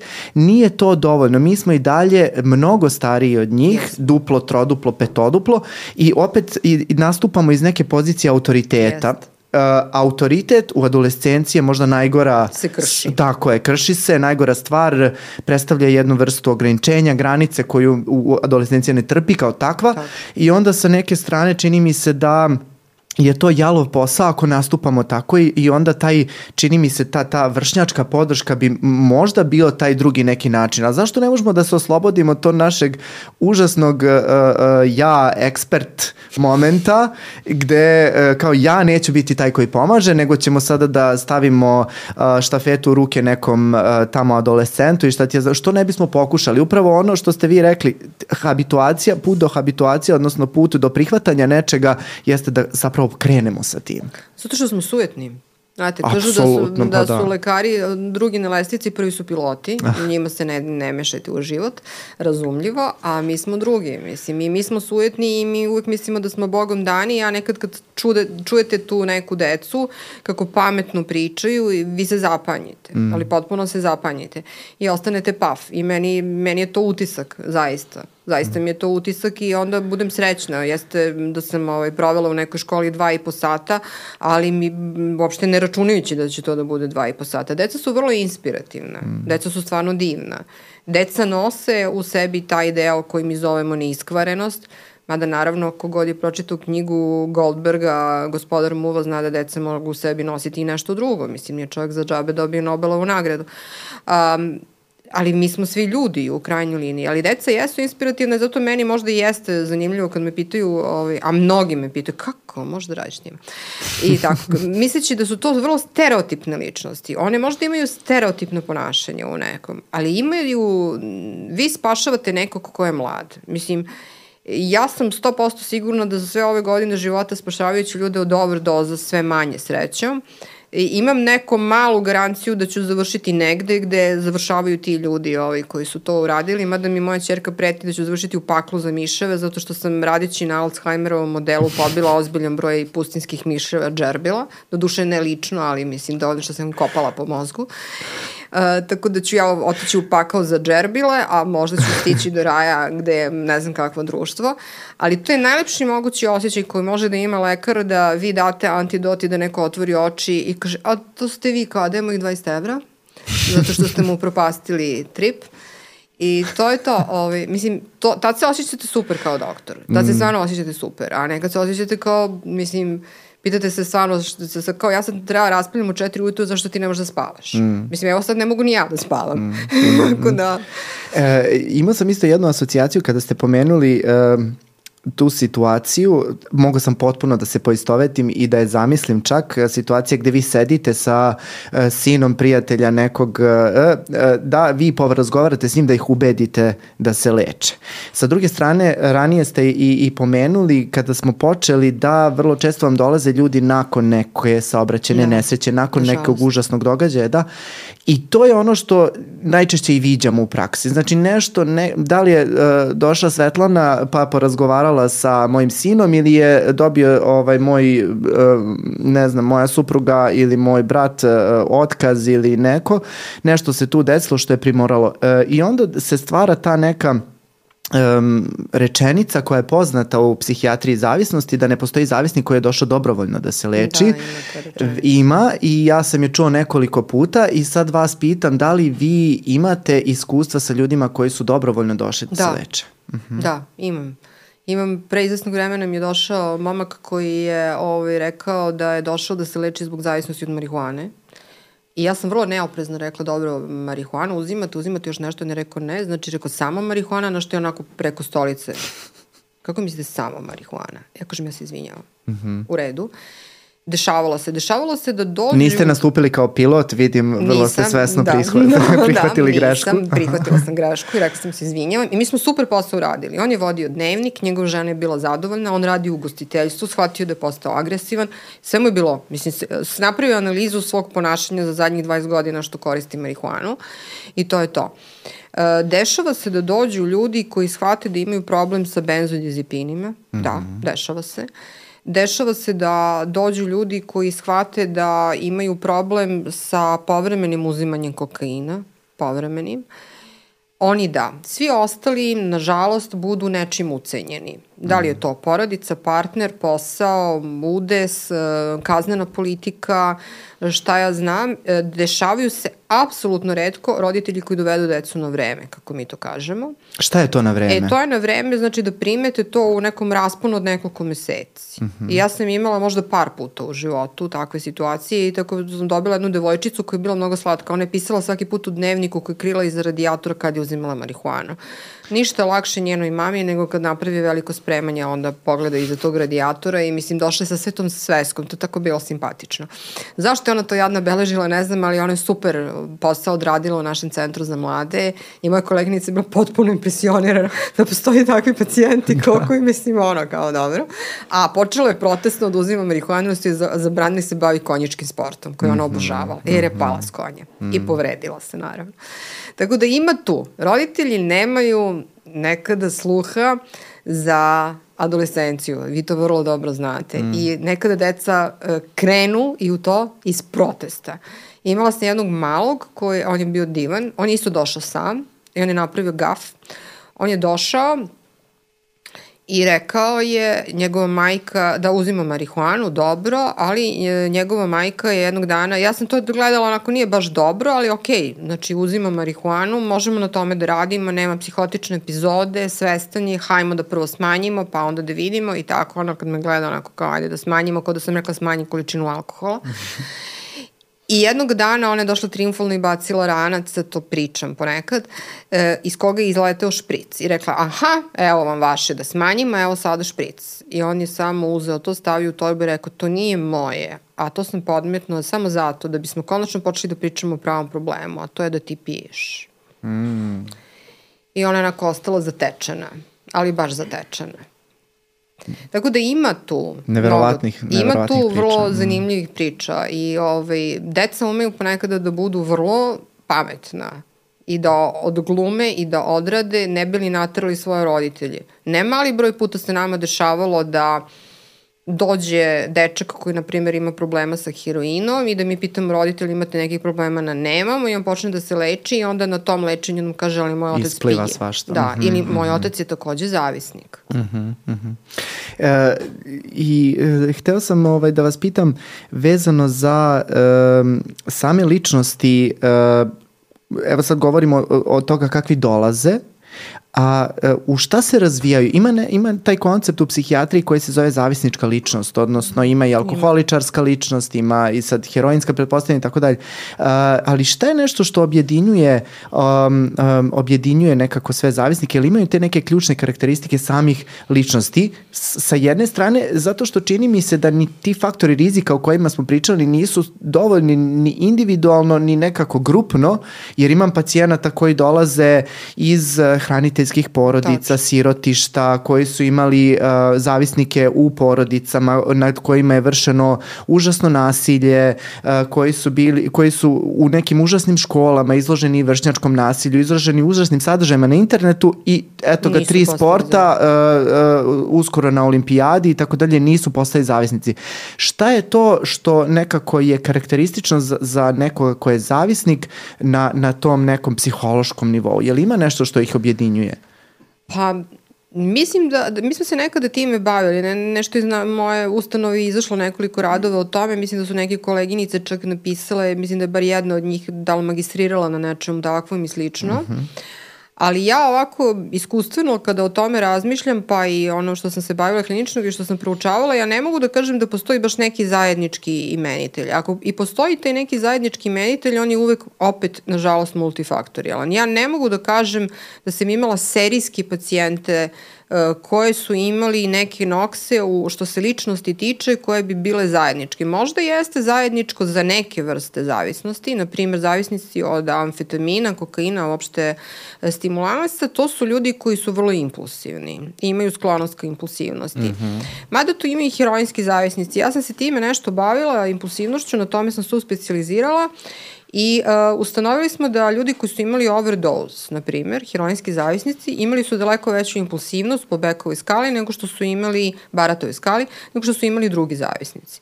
Na primer, što je zanimljivo. Uh, zanimljivo je isto tako da to pripada zapravo istom klasteru oboljenja. Znači, zavisnici od amfetamina vrlo često, pored te povišene impulsivnosti, imaju one česte greške na onom uh, E, task problemima. Znači oni češće greše, pošto brže donose odluke, prave i veće greške, baš kao recimo i kockari, na primjer. To je zanimljivo. Da li oni imaju, kad posmatrate kognitivno neku zajedničku osobinu, ne bih mogla da kažem. Da li imaju u strukturi ličnosti uh, Pa vrlo često je problem u tome što su oni zapravo postali zavisnici pre 21. godine, što znači automatski da njihove kompletne sposobnosti, pa i njihov behavioralni odnos, pa i njihov kognitivni status je doživao jednu da kažemo, jedno minsko polje. Tako da mhm. njihov self nije izgrađen, tako da oni imaju jedan ozbiljan osjećaj praznine. Tako da iz toga se naravno obično regrutuju poremeće ličnosti koji su idu ruku pod ruku sa bolestima zavisnosti i ako se ne varam, kažu da svega 1% ljudi koji su zavisnici e, nemaju neku od e, dualnih diagnoza, a vrlo često ljudi koji imaju određena mentalna oboljenja inkliniraju zavisnosti, pa se tako zna, ne znam, za šizofreničara da često puše i tako da mhm, ne mhm. etiketiram dalje. Hoću da kažem da su to vrlo često osobe koje nisu strukturisane, kako bismo mi to rekli, na nekim zdravim osnovom, iz različitih razloga. I zbog toga što su zapravo počeli da ili uzimaju substance prerano, jer mm, ja to moram da kažem, dokazano je da oni koji uzimaju marihuanu intenzivno pre 16. 18. godine, pogotovo posle 21. godine na skalama e, koeficijenta inteligencije kaskaju za nekih 8 poena, znači postaju sve tuplji i tuplji što je činjenica, imaju to motivacioni sindrom i slično, ali ne bih mogla da generalizujem i da kažem, ja znam vrlo jake ličnosti koje su postali zavisnici, ja znam vrlo Uh, znam ratnike, znam ljude koji su iz nekih drugih pobuda postali, znam sportiste koji su postali i to su vrlo uh, strukturisane osobe, vrlo pedantne. Uh, Ono što viđem recimo među kokainskim zavisnicima, to su ljudi koji su paradoksalni. S jedne strane skloni disciplini, imam nekoliko njih koji bi pošto poto hteli da se zaposlu u elitnim vojnim jedinicama, jer im je potreban taj adrenalin. A s druge strane, žive jedan život koji je raspusan i koji nema nikakve veze sa disciplinom. Znači, postoji, ono što ih možda objedinjuje, to jeste taj osjećaj neke praznine, neispunjenosti ne mora biti uopšte da nisu edukovani, mogu biti vrlo obrazovani, mogu završiti, vrlo često završe škole sa prilično dobrim uspehom, uopšte potiču iz najrazličitih sredina. Ne mogu da nađem jedan apsolutni zajednički imenitelj. Posle ovoliko godina ne. Pogotovo zato što se kažem, scena promenila i sad već se ozbiljno mešaju stimulansi sa heroinskim zavisnicima. Heroinski zavisnici su bili malo drugačiji. Oni jesu bili ljudi koji su pokušavali da zavaraju sebe od početka. Onako levantinski potreba da se umire stvari, bez želji da se nešto bitno zaboravi, nego da se prosto nađe neka nirvana u svemu tome. To je sada prevaziđeno sa našom omladinom. Ne. Ljudima je potrebna ekstra stimulans koji potiče kako behavioralno sa mreža, mm. tako mora da ide, da podigne naš centralni nervni sistem, da ga ekscitira. Zašto je to tako? Sigurno ima puno razloga, uh, zato što je život brz, više nije spor i da biste ga izdržali, pa čak i profesionalno, mnogi ljudi konzumiraju. Ali ne mogu da kažem da postoji neka posebna stereotipija danas u ličnostima, što možda otežava stvari za prepoznavanje, za lečenje, pa i roditeljima i saradnicima i na poslu otežava, jer vi ne znate sada da li će zavisnik da vam iskuči iz neke sasvim neočekivanog zanimanja advokata ili tako, što nije bilo ranije praksa. Mm -hmm. A, ali opet, evo, ima neka, neka vrsta grupisanja u zavisnosti od substance. Da. I ono, e, baš postoji tu u literaturi alkoholičarska ličnost, yes. da to je jedna stvar koju znam. Evo, vi ste rekli sada, impulsivnost je nešto što karakteriše amfetaminske, yes. odnosno te, da kažem, hiperdopaminske yes. ovaj, zavisnosti. Sa druge strane imamo um, ove, da kažem, stvari koje umiruju, kao što su heroin, kao što su benzodiazepini, opet sa druge strane tu imamo verovatno neku vrstu uh, visoke anksioznosti, visek, to su oni nerčici koji ne mogu da se umire i tako. Mislim, eto, ima neka vrsta grupisanja, ali da, slažem se s vama da je vrlo teško sada generalizovati. Ali e, sad e, imao sam neku asocijaciju, ja bih mnogo voleo danas kad bismo mi uspeli da prođemo sve ovaj, substance, naravno to je nemoguće jer nemamo 62 e, sata da pričamo o ovoj temi, nažalost, ali um, kad god pomenete neku substancu, imam uh, asocijaciju na nekog od mojih pacijenata koji su vrlo bili interesantni. Sad kada ste pomenuli benzodiazepine u jednom momentu, meni je bilo fascinantno, ja to nisam mogao ni da zamislim, evo studirajući šest godina i posle specializacije, nisam mogao da verujem koliko, do koje mere to može da dođe. Znači, bila mi je žena, ne znam, možda sam jednom i pričao to, ovaj, žena koja je bila um, zavisnik od benzodiazepina i zbog toga je došla da se leči, uh, koja je u jednom momentu došla do 300 mg uh, bromazepama dnevno.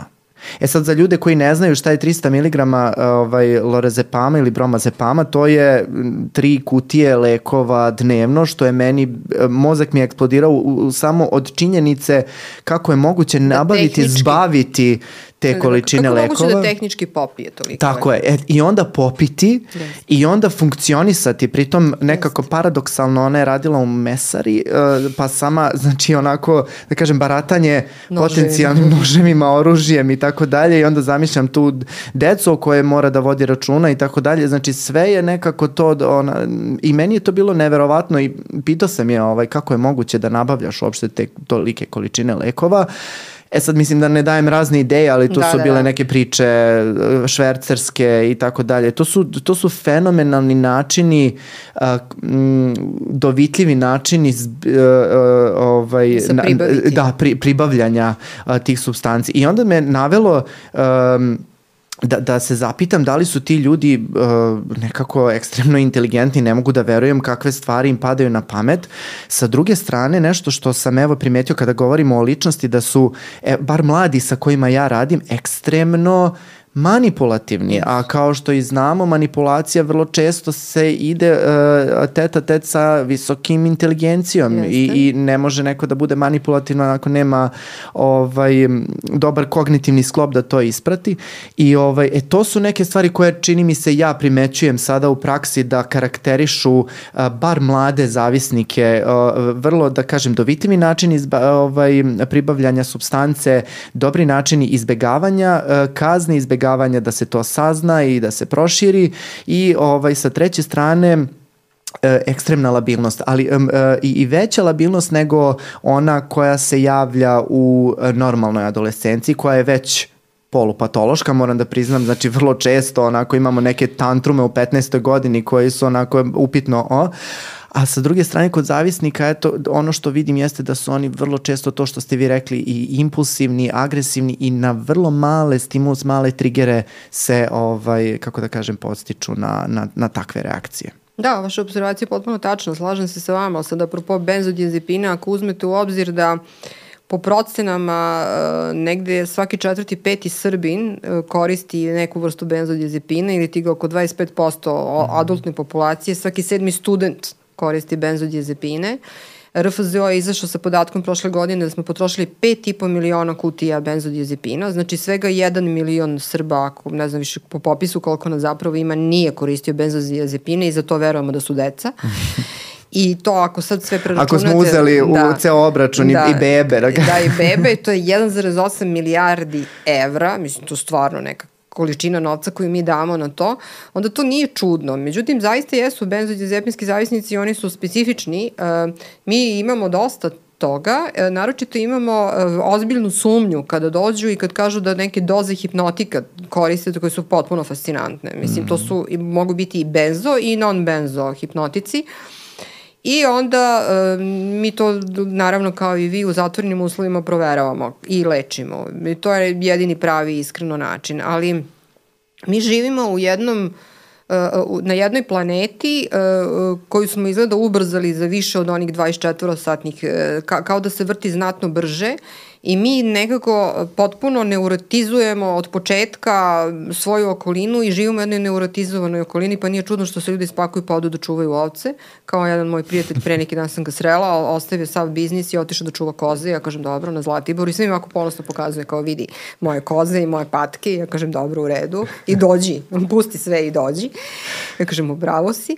Uh, I onda vi kada živite u takvom okruženju i vaš narašte živi u takvom okruženju, on ima jednu potrebu da se s jedne strane smiri, da s druge strane da uhvati korak sa nečim, s treće strane da bude negde prihvaćen i onda šta, pribegava nečemu što mu je prvo pri ruci. Mi više ništa ne možemo da izdržimo. Meni se mnogo dopala jedna rečenica jedne moje koleginice kad smo otišli u vizitu na intenzivnoj nezi i pacijent kaže nisam dobra, ona kaže što niste dobra, kaže plači mi se. Ona kaže Pa plačite. Pa to je ljudsko raspoloženje i osjećanje, to je normalno. Samo vi plačite. Ne kao daj mi tabletu, neću da plačem. Mm -hmm. e, naučeni smo, to je naučeno ponašanje koje je došlo, ne znamo dakle, opet smo krivi mi na neki način doktori. Ideš na sahranu, evo ti tableta. Ideš na venčanje, evo ti tableta. I onda to tako krene, da ne pričamo o alkoholu. Znači, u našim tašnama, kad bi nas pretresli, svi bismo bili procesuirani. Mm. Znači, apsolutno. I ja sam imala jedan duel sa jednim našim saobraćenim inženjerom koji je rekao uh, da je to naravno sve po novom nekom zakonu zabranjeno kažnjivo, jeste fakat. Ja imam pacijente koji nose sa sobom hrpe buprenorfina, ali pošto imaju iskaznicu za buprenorfin, niko im ne sme ništa, a onda ih uhapse za dva lorazepama. I procesuiraju ih za dva lorazepama. I završe u zatvoru za dva lorazepama. Ja onda odem kod tuži tužioca kad me pozovu kao, ne znam, da dam izjavu i pošaljem im zaista papir da je bio na tim lorazepamima. Ja kažem, ali ljudi, ono nosi opijate mnogo veće vrednosti sa sobom nego dva lorazepama. Nemojte doktorka, to je... Ja kažem, onda donesite zakon da je to tako, ali odmah se dogovorite s kardiolozima da ne prepisuju više benzodiazepine za hipertenziju, jer ja kao neurolog znam koliko je to između ostalog opasno i do čega dovodi do nekih demencija i slično. Ajde se onda dogovorite da se to prohibuje na neki normalan način, kao što su se dogovorili, uspeli smo da prohibujemo tramadol, vrlo uspešno u našoj zemlji, da ne može da se kupuje bez recepta, da ne može zapravo uopšte da se kupuje tek tako i da se dolazi do njega. Vi do benzodiazepina dolazite samo tako, lako i svi ih koriste u nekritičnim količinama i to nas zato dovodi do toga da vi u saobraćaju kad rade checkinge vidite koliko ljudi je na određenim psihoaktivnim substancama uključujući i benzodiazepine. Onda se svi kao šokiraju i svima kao to nešto nije jasno, ali samo jedan checking da se istresu tašne svih sredovečnih gospođe kao što sam ja, to ima da ispada onako u slapovima. To je činjenica. I, i, mi, mi kao da živimo u paralelnom univerzumu i onda se naša policija čudi što se, što se nešto desilo. Oni zakucani potpuno na te voze, grizu one volane od ranog jutra. Nisu uzeli na onaj jutarnju dozu. Mislim, čekaju da dođu na posao. To jeste činjenica, nažalost. E, to je Amerika preživala 60-ih, 70-ih godina prošlog veka. Čuveni profesor Vesel, kojem sam jela zadovoljstvo da slušam svoje vremeno, je o tome pričao. Kad je on bio u Americi, Amerika je trošila više benzodiazepina nego što je imala stanovnika. Mi smo danas tu. Znači, kaskamo ozbiljno za Amerikom u negativnom smislu što se toga tiče. Mm. E, podsjetilo me kada ste pričali o statistici upotrebe benzodiazepina. Ja sam pre par godina bio u Češkoj i e, imali smo jednog e, super vodiča koji nas je vodio kroz Prag i pričao nam tako neke zanimljive statističke podatke. E, isto kao što je nas sramota upotrebe, odnosno zloupotrebe benzodiazepina u našoj državi, tako je njih sramota koliko alkohola da. oni piju. I kaže da um, Češka ima tako ogroman problem da prosečan Čeh popije 2 litre alkohola dnevno ili ne znam 1,8, ali tu smo negde blizu 2 litre, ali su oni e, imali značajno više poražavajuće rezultate nego su u celu statistiku uključili novorođene bebe prethodne godine.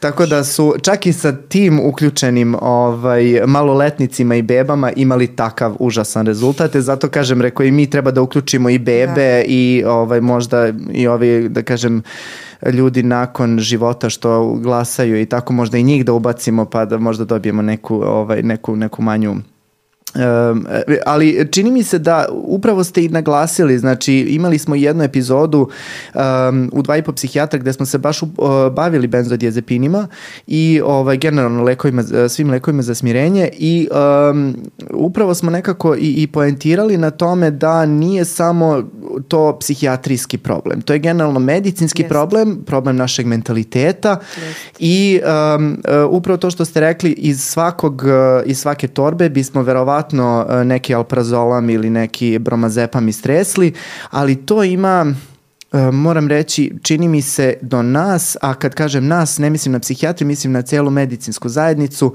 onako, ajde, e, samo ću još tebi da napišem, samo, mm -hmm. samo ću još tebi ma, da, da, ovaj, da gurnem taj uh, alprazolam u ruke, uh, jer si mi dobar prijatelj, yes. jer si mi, uh, čak ne moraš biti ni dobar prijatelj, komšinica. evo, komšinica ili Instagram pratila, mislim, evo, samo koliko mi se ljudi, ja sad pričam iz ličnog uh, iskustva, koliko mi se ljudi nakon specijalističkog ispita javilo, ja sad postojem onako sav srećan svoju sliku sa specijalističkim indeksom i a, biva mi preplavljen u narednih mesec dana inbox gde ljudi kažu e, e pa da super, da sad, sad možeš da mi propišeš Xal napokon ili da. bilo koji drugi, ovaj sad da ne reklamiramo lekove, ali prosto ovaj Da, dešavalo mi se to i smatram da apsolutno se slažem sa vama da bi to verovatno bio ovaj konačan ishod. Ali ono što me uh, isto zanima kada govorimo o zavisnosti, nekako je uh, tradicionalno mišljenje da su muškarci alkoholičari, a žene tabletomani okay. da, ili tabletomanke sad kako hoćete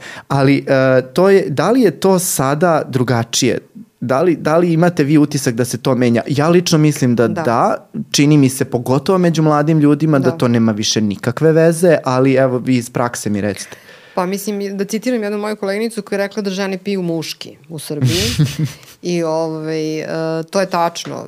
Taj procenat je verovatno raste zato što su se žene odlučile emancipovati u svakom pogledu, pa čak i u tom. Mm. I tako da mi imamo dosta žena koje konzumiraju alkohol i tu su negde, gotovo da su egal, kao što imamo otpike žene pušače koje su, ja mislim, u jednom trenutku stigle muškarce potpuno. Uh, Što se tiče zavisnica od opijata, tu je bio odnos 1 prema 3, pa 1 prema 2, tako. Što se tiče kockanja, na primjer, odnos je 4 prema 1 za muškarce.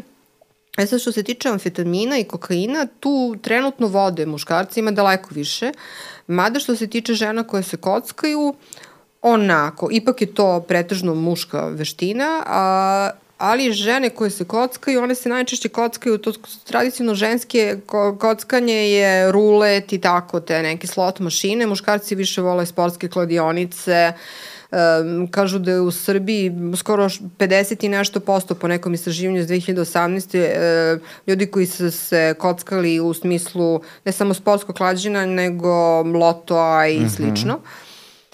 Tako da žene pokušavaju naravno da jeste, uzimaju benzodiazepine, ali ja imam mlade pacijente koji uzimaju benzodiazepine i većina tih mladih ljudi ima neki background, najčešće to neki generalizovan anksiozni poremećaj, mislim, koji ih uvuče u to i onda im neko pametan da benzodiazepine umesto neku drugu, a lepo smo se dogovorili koju terapiju i onda to tako krene i onda ti ljudi, recimo ja sam imala jednog momka koji je vukao ideju da ima migrenu i to vrlo je etablirano u jednom kliničkom centru postavljeno, A dečko ne da nema migrenu, nego nema ni blizu migrenu, ali ima zavisnost od benzodiazepina, ima anksiozni poremećaj i boga mi, samo zahvaljujući njegovoj istrajnosti smo to uspeli recimo da uradimo i u okviru dnevne bolnice jer je on takav, ali usput naravno nesnađen, usput mislim mnogo toga se klima u njegovom životu, ali Sad ako razmislite onako malo starovremenski, da li je okej okay da neko ko ide na neku sahranu daleko bilo nekog bližnjeg treba da preživi taj stres, Ili je bolje da ga ne preživi, ili recimo može da se šlogira, ili recimo može da dobije infarkt. I mi kao lekari smo onda znajući to, davali tim nekim našim rođacima ili sami sebe bildovali time, ali vi sad treba da doživite nešto što je zapravo traumatično. I onda iz te ideje da zaštitim svoj mozak ili svoje srce, ja u stvari ne razmišljam šta ja radim globalno sebi. I onda više ništa ne mogu da izdržim. Pa tako da mi dođemo u onu fazu da nemate normalnu fazu tugovanja, mm. bilo zbog nekog raskida, bilo zbog nekog traumatičnog gubitka ili traumatičnog događaja, nego morate da dobijete enormne količine lekova od, ne znam, psihijatra ili već nekog ko vas leči, da biste vi to lakše prošli. Kao da ne možete više ništa baš da podnesete, ni tu vrstu e, reaktivne depresivnosti, ona je potpuno reaktivna, vi prolazite kroz nešto zato što ste doživali jednu traumu, niste vi sad bili na ratištu pa sad kao lečimo posttraumatski, nećemo ga lečiti benzodiazepinima. To je veliko pitanje i tu ćete sigurno naći pobornike jednog i drugog. Iako smo se, kaže, mi lepo dogovorili sa našim profesorima na psihijatriji kako ćemo da lečimo anksiozne poremeće GAD, kako ćemo da lečimo, ne znam, posttraumatski i tu nigde nema benzodiazepina, mm. lepo smo ih sklonili. Vi u praksi to se ne dešava. I ja od najrazličitijih kolega, bez obzira na to što smo se tako dogovorili, uključujući i psihijatre, ponekad i nekad sam slikala pa sam odustala. Dva benzodiazepina Ne jedan, nego dva. Šta će sad oni tu, sa recimo neke klinike, stigu pacijenti, ja gledam ono, ono gleda mene i kažem pa dobro, sad ćemo nešto da uradimo po tom pitanju. Jer mi imamo veliki broj zavisnika koji su recimo pijatski zavisnici koji su svi na benzodiazepinima. I to je tačka koja ne sme da se dira. Mm. Znači, čik, to se ne dira. To se ne dira. Vi u pijatskom zavisniku da uzmete 30 mg benzidina, pa bolje ga ubite. Mm. Kako mislite to doktor kada skinemo? Rekao lepo, 5 mg po 5 mg. Ka kako mislite da ja funkcionišem? Mm. Mislim, to, to, to su, ovaj, tako, tako da, e, mnogo smo i sami krivi. To jeste zaista pitanje.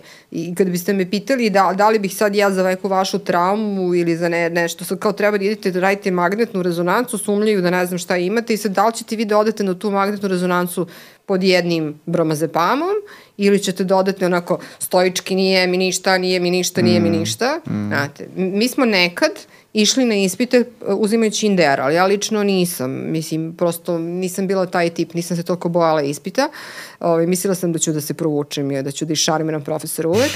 A, I volala sam da pričam, ali masa ljudi ima i one fobije, mislim, od javnog nastupa i dan danas koriste Inderale, mislim, mm. i to kao... Beta blokatori moje su droga izbora, moram da, priznati. Da, da, da, mislim, zbog, i to je sasvim, to, to čak kardiolozi preporučuju, mm. mislim, i, i kažu da je to vrlo bezbedno i tako dalje.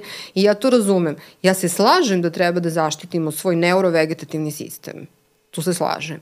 Jedino je pitanje kako ćemo to da uradimo i da to uradimo strukturisano. I ja imam sve više mladih pacijenata koji mi pitaju ako i damo neki benzo e, ili neki hipnotik, jer to izaziva zavisnost. Znači mm -hmm. oni koji ne uzimaju to. I ja kažem da, ako se koristi kontinuitetu duže od šest nedelja. Ili izabraćemo dugo živući benzodiazepin. Nećemo izabrati kratko živući. Mm. Ili recimo imate situacije gde ljudi dožive mm, ono na čemu je Amerika pala, a to je e, zbog bolova u kičmi ili bolova sportskih povreda Opijat. dobiju opijate, mm. a mi dajemo dosta benzo. i ovaj, dajemo najčešće, recimo, nekad smo davali tetrazepam, sad ga nema, sad dajemo opet dobar stari bensedin ili najbolji miorelaksans, ali me ljudi pitaju, jer si sigurno da neću dobiti zavisnost. I tu ima paradoksa. Ja znam ljude koji su stariji od mene, mislim što zvuče onako ko broj jedan, ali recimo moj stric, koji čitav život uzima jednu četvrtinu rivotrila kao srčani bolesnik. Mm. On nikad nije prešao jednu četvrtinu. To je taj sindrom poslednje doze, te yes. one, da, ima, da. ima dosta ljudi, znam I tako. I to je, vi ćete, vi ćete to videti u svojoj praksi, imaćete u svojoj okolini, znate takve ljude i vi se sad pitate kako ovaj čovjek nije postao, razumete, mm. benzodiazepinski zavisnik. Nije, zato što on zna tačno da je to to i nema potrebu za dalje. A Amerika je, kao što znate, na tome pala, da negde od e, procenjenih 61 milion stanovnika koji po UNODC, e, e, ljudi koji su po UNODC-u najnovijim podacima konzumiraju opijate i opioide, 31 milion konzumira heroin u svetu, a 30 miliona, a od toga najviše u Americi, konzumira kodein, oksikodein, znači preparate koji su opijatske geneze, ali u nemedicinske svrhe. I pre, čini mi se da je Trump 2015. 16. pokrenuo jedan veliki preokret, pokušao da napravi zakon koji bi trebalo da to koriguje, međutim to i dalje nije korigovano i oni su najveći mogući potrošači, u krajnjoj liniji snimali su seriju o tome doktora Hausa, koga mm. mi svi volimo mm. i ovaj, to jeste problem, zato što se nekritično daju lekovi, u njihovom slučaju se daju opioidi, u našem slučaju se daju benzodiazepini. Ko je u pravu? Niko, Niko. farmaceutske kuće. da, da, da.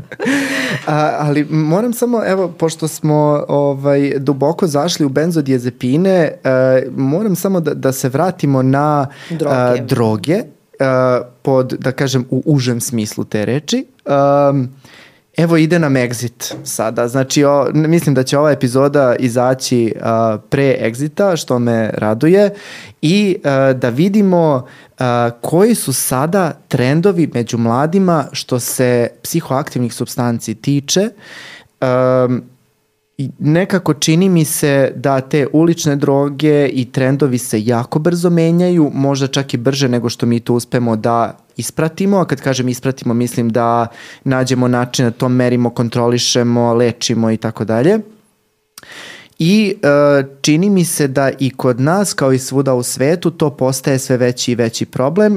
E, moram samo pre nego što vam dam ovaj priliku da kažete da ne bih zaboravio posle, imam strašno veliki problem sada sa tim jer ja sam neko ko posećuje festivale i uh, iz godine u godinu viđam uh, sve više i više mladih uh, na raznoraznim tabletama, a moram priznati i praškovima i kako hoćete, a ovaj uh, poslednje godine me je potpuno zabezeknulo to što sam video, a jeste video sam mladu devojku koja je iz Bruce Haltera izvadila kesu tableta različitih i tako delila svima, mislim ona verovatno takva urađena kakva mm -hmm. jeste bila htela da podeli tu svoju sreću, ne znam, tako mi je delovalo i onda su svi tako bez upita bez ikakve kritičnosti samo uzimali to šta god da je to bilo. Znači to je mogo biti cijanid, to je mogo da biti miši otrov, oni to ne bi znali.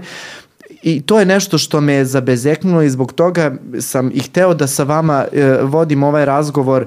E, šta vi mislite e, koji su sada trendovi, koje su droge najčešće sa čim se najviše susrećete kada su te parti droge u pitanju? Pa evo ovako, znači e, ja, ja sam sistematična žena pa sam to negde se sebi sistematično, htela sam da vidim da li sam e, ja u pravu, da li je u svetu u pravu i slično.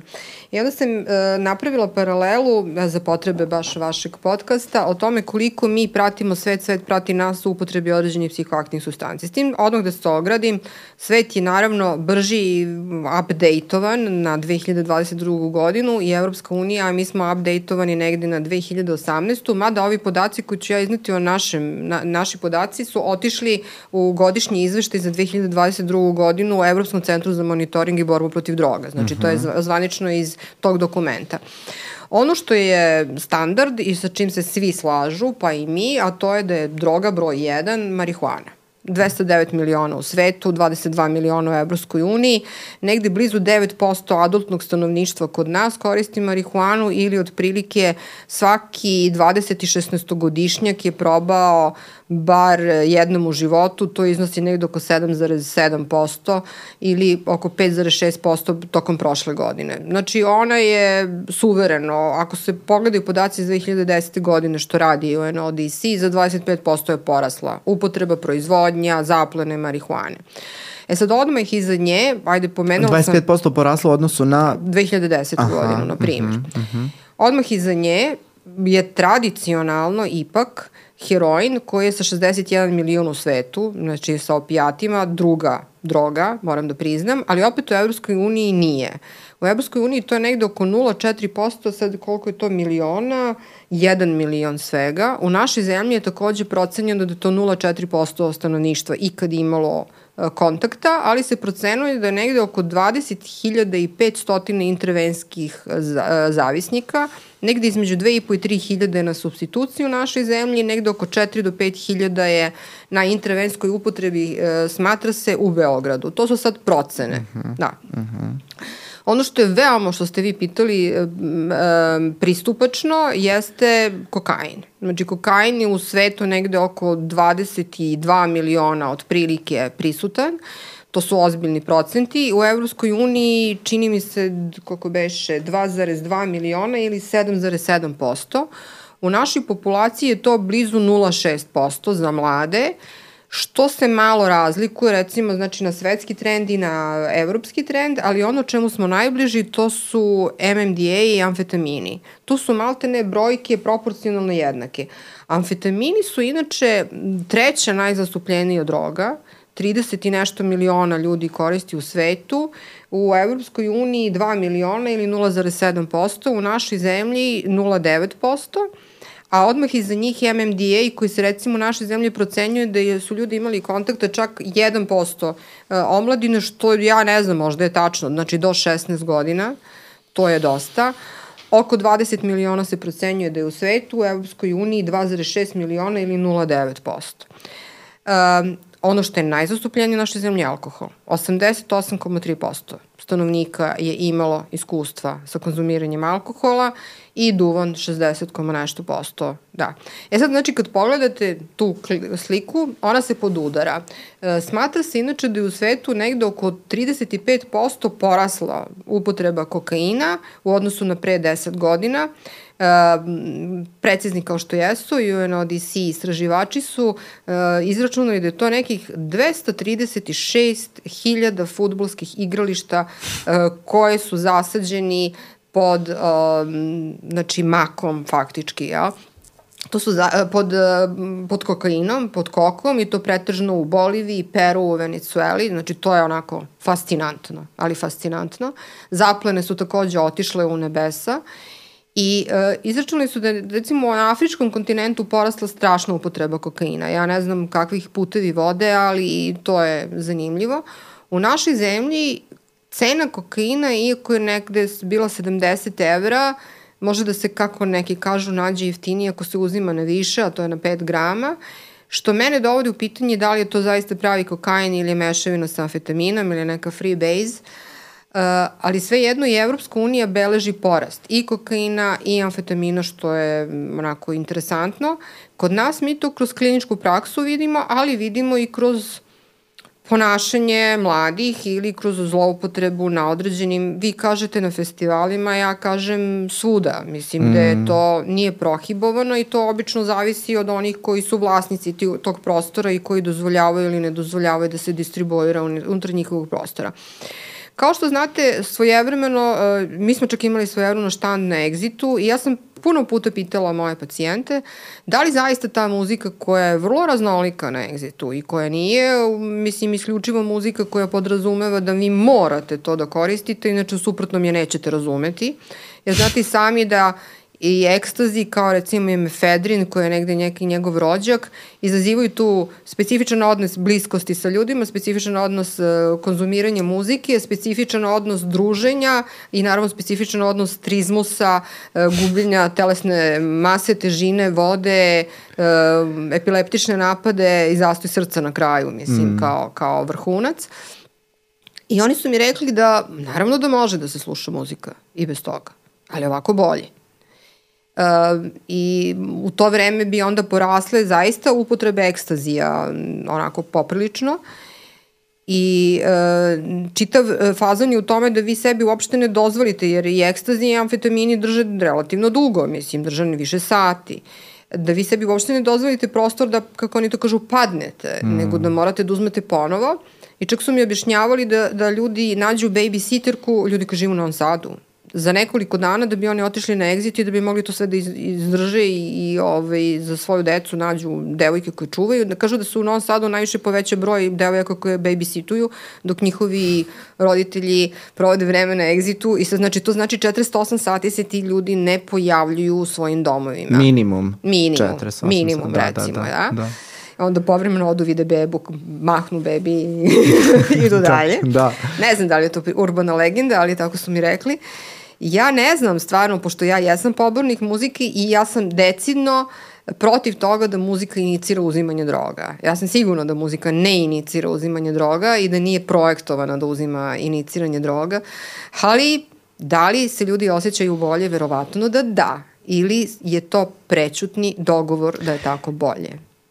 Ja se tu delimično sa vama slažem, moram priznati, uh, ja nemam nikakve sada statističke podatke. Jedine statističke podatke su ovi, da kažem, seljački podaci iz mog okruženja, e, gde ja onako e, observiram da. i gledam svoje društvo i druga i druge ljude ovaj sa kojima se oni druže i nekako čini mi se da postoji ta povezanost između kulture i droge, konkretno sad pričamo o muzici, um, gde jedan eksponencijalni rast elektronske muzike postoji u poslednje vreme i čini mi se zajedno sa tim upravo i eksponencijalna upotreba parti droga.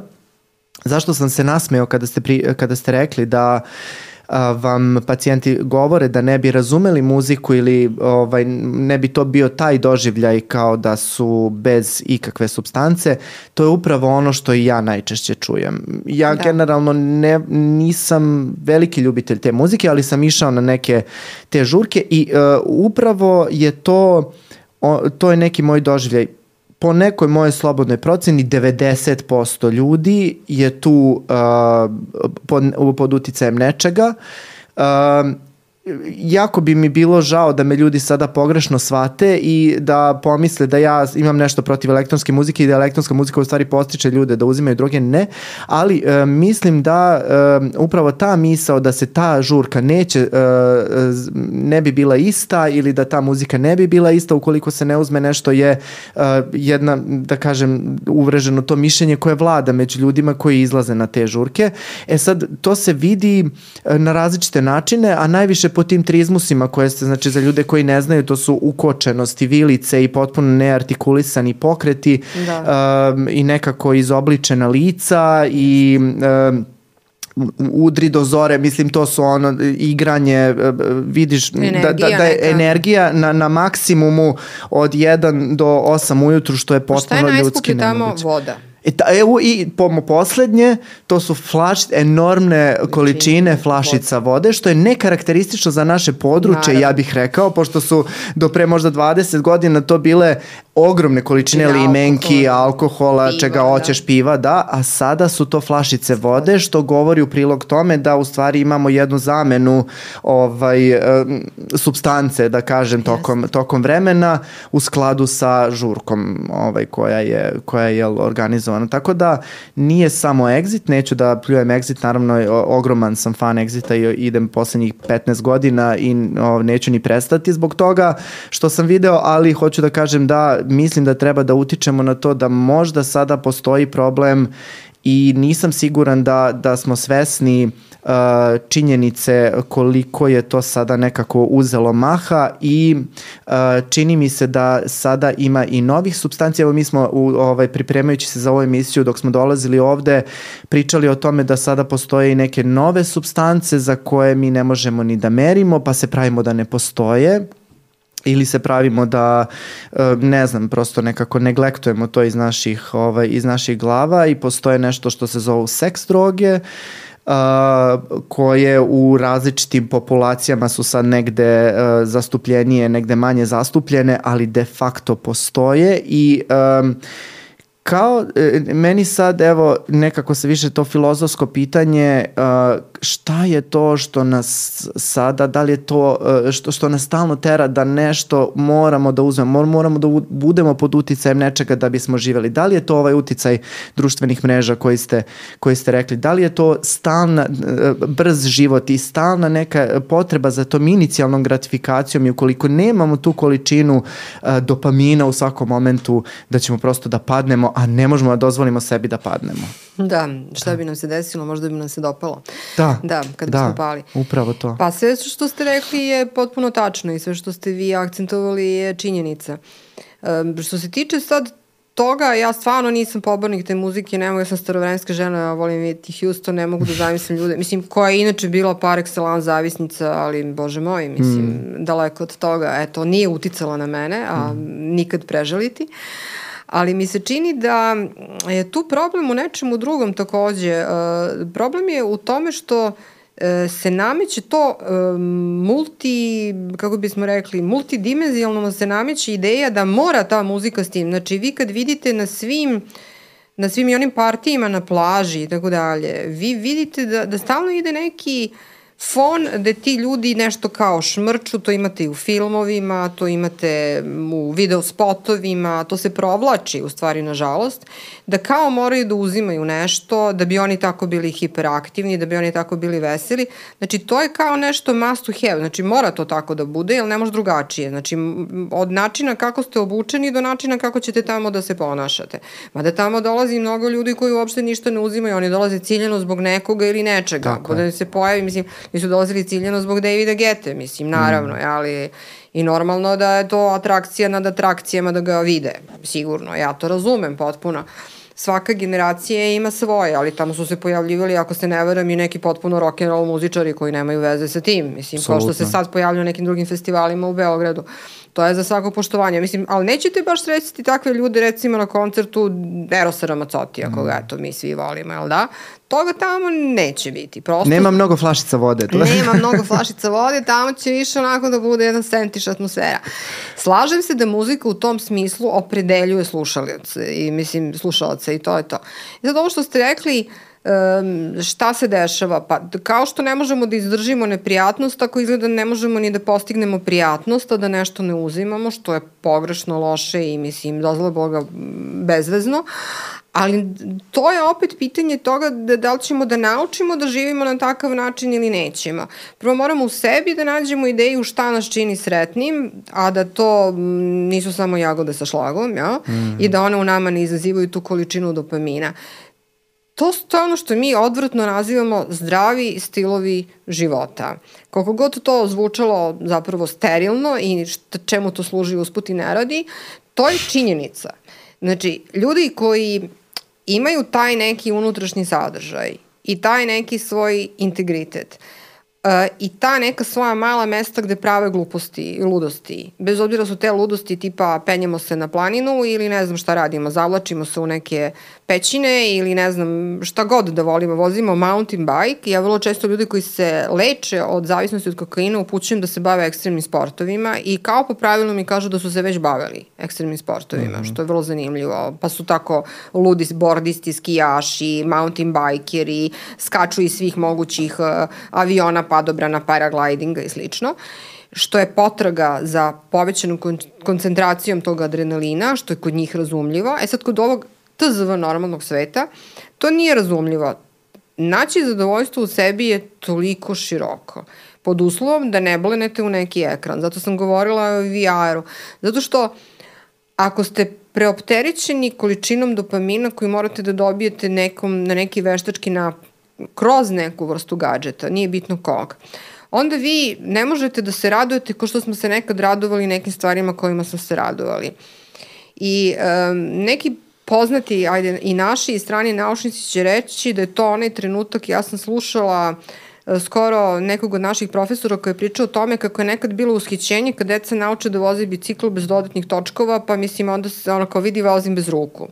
Današnja deca koja prelaze dnevno po 10 levola video igara, ne mogu da kažu vidi vozim bez ruku, jer on dobija gratifikaciju sa svakim stizanjem na određeni nivo, ali i pod stresom tokom te igre. On mm. dobija gratifikaciju, ali i pod stresom. I to ga mm. čini na neki način kako to mi zovemo, eskapizam, znači bežanje od realnosti u neku drugu realnost. Tako i konzumiranje određenih substanci je potenciranje zadovoljstva koje možda ne bi bilo od seksualnog zadovoljstva, koje ste pomenuli sasvim pametno, do svih drugih vrsta zadovoljstva. Mi želimo da potenciramo taj doživlje. Možda zato što je naš bom, mozak bombardovan ogromnom količinom informacija koju bi neki istakli i to se uopšte ne odnosi na klince, to se odnosi na sve nas. Ako stanete na autobusku stanicu i diskretno pogledate levo-desno, vidit ćete da ste vi jedan od redkih koji nema ovaj rad, znate. Svi će mm. na kraju imati kifoze vratne kičme, znači odavde. Svi gledaju u ekrane. To je opterećenje mlade generacije koje baš ništa nije kriva, jer smo im mi kreirali sve te gadžete i moja generacija i stariji od mene, koje ćemo možda sada zbog toga da prohibujemo, ali mislim da Bill Gates neće ništa ovaj, doživeti nikakvu sramotu zbog svega toga. Hoću da kažem da smo mi omogućili jednu vrstu percepcije i jednu vrstu stvarnosti, ali da iza toga nismo razmišljali koliko će nas to obuzeti i koliko je nama to super. Ako to koliko povežemo... Će nas koštati, I koliko će nas koštati. Mm. Ako sad to povežemo sa božanstvenim dijapazonom novo dizajnernih psihoaktivnih substanci, od novih, ajde da kažemo, stimulansa do vrlo starih uh, novih opioida, opioida, kako ih mi zovemo, koje spada recimo fentanil, koji odnosi živote po Sjedinjamečkim državama, zato što se proizvodi u jednoj azijskoj zemlji i kao takav ilegalan, mislim, može da napravi ozbiljan pomor i stiže u našu zemlju, jer naši pacijenti su, kao što ste rekli, dovitljivi, pa će onda taj fentanil koji se koristi za pacijente koji su bolili od raka i lepi kao flastere, da lepe na jezik, mislim, i da onda mm ne mogu da budu detektovani nigde sem na Vojno-medicinskoj akademiji da svojim roditeljima kažu pa vidiš, detekcija mi je negativna, ne uzimamo pijate, a oni, mislim, se onako sa fentanilom lepkaju. E, to je jednostavno, u svemu postoji i moda, pa i u drogama postoji, ako jedno vreme, u hipo vreme da uporedite sa suknjom e, ona Mary Quant ili kako se već zvala mini suknja koja je već propagirao, e tad je bio hašiš, onda smo nekako dopuzili za vreme Vijetnamskog rata do opijata, ko za koji kažu da je dosta doprinao da se opijati prošire na američko tržište. E onda smo otkaskali dalje i sad su trenutno u modi neke druge vrste droga. One jesu došle sa severa Zato što sever vazda depresivan, za razliku od juga koji je vazda baš mi je lepo, daj mi još nešto da mi bude lepše, da me smiri, a sever vazda kišovit ko ova naša klima trenutno, žudi za nekom ekscitacijom i onda nije čudo što su te vrste substanci došli sa tog severa. Danas ima blizu 2000 novo dizajniranih droga. Dovoljno promenite jednu OHA grupu i dok prođe zvaničnu svetsku legislativu, uključujući i našu, vi ste distribuirali jednu substancu u svet. Ono što je opasno to je da te ilegalne laboratorije mučkaju baš svašta i da mučkaju i stvari koje su potpuno, recimo, jedan od najopasnijih opijata, karfentanil, On je hiljadu puta jači od fentanila, služi za uspavljivanje slonova i mislim ako sad vi i liznete taj karfentanil, vi ste mrtvi, a mm. kamoli nešto slično.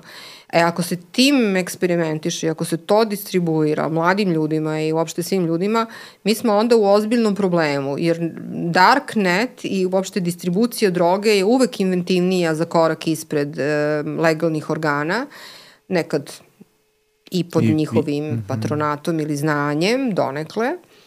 I onda kako? E, možda nekome negde, ja nisam ušte teorija zavere, ne, mislim ne verujem u to, ali to je jedan ozbiljan biznis. I taj ozbiljan biznis donosi ozbiljan novac. Ne postoji zemlja koja nema problem sa drogama, niti postoji zemlja koja je rešila taj problem, niti će ga rešiti.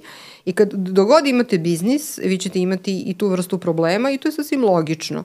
E sad, pitanje je kako ćete se izboriti sa tim kao ličnost. To je, mi moramo pođemo od sebe, mi ne možemo da promenimo svet, mislim, ne možemo da idemo da pucamo, mislim, zajedno sa ne znam čijim vojnicima po Afganistanu i da palimo polje, iako vrlo dobro znamo da bi to jedna moćna sila mogla da uradi za pet minuta, mislim, sa svojom tehnikom. Ali neće. Mm. Jednostavno neće. Mm. I onda mi moramo da se prilagodimo kao što jedna druga moćna sila ima na svojoj teritoriji ne znam koliko hiljada privatnih laboratorija ilegalnih i u kojima se mučka sve i svašta, pa znate, ta moćna sila je zabranila video igre na svojoj teritoriji ili TikTok, deci mlađi od 16-17 godina sem jedan sata dnevno, je zabranila TikTok, ali ga je distribuirala u neku drugu sferu. Ja ne kritikujem sile, ja samo kažem da je to realnost i da je to biznis i da taj biznis dovodi anesteziranu na neki način jedan deo ili povremeno anesteziranu omladinu do željenog cilja, a to je da ne misli da se ne buni, ili da? Mm. Da ne razmišlja kakva im je planeta, što negde divlja neki rat, što neće imati vodu, što je bitka za radno mesto svuda katastrofalna, što ne mogu da kupe sebi stan od prihoda koje imaju, što ne znaju kako će vaspitavati decu, što ne znaju kog će im pola biti deca i kako će izgledati život njihove dece, mislim, te dece, di dece. I mnogo je lakše ovako. Ako, mislim, e, ko bi rekao da ćemo tako lako stići do Orvela? Mislim, to je mm. moje razmišljanje. E, da je znao, pa mislim, on je malo dete za ono što je napisao u odnosu na ono što se nama trenutno dešava. dešava mm. Da. Mm. Nasmeja se u jednom trenutku kad ste rekli uh, uh, pacijent koji pokazuje mama, tata, evo uh, negativan sam, nisam, ovaj, nisam se drogirao. Desila mi se jedna situacija pre par godina uh, kada sam dolazio na posao ujutru Uh, jedan adolescent mi je prišao kod lifta, ja sad ovako neformalno, neformalno obučen, da, da, obučen, da. I ovaj, prilazi mi kod lifta, verovatno misleći da sam ja tu negde njegovo godište, ovaj, ne znam zbog čega i uh, dolazi i kaže, e brate, jel možeš molim te samo da mokriš ovu čašu kao ako ti nije problem. I ja onako se okrećem prema njemu i kažem, uh, molim te, dva metra se udalji odavde da te ne bi sad prijavio, ne, mislim, ne znam, ni, prosto zatekao sam, ja sam još bio na specijalizaciji, nisam ni znao šta se radi u tom momentu, mm -hmm paradoksalno na kraju je došao na odeljenje na kojem sam ja radio, ovaj, pa smo se i tu malo ovaj, radili smo na tome, što radili bi se reklo. Da, da, da, eto, dobro. to mi je onako interesantna dobro, situacija. Dobro, transfer posle toga, da. jeste, jeste.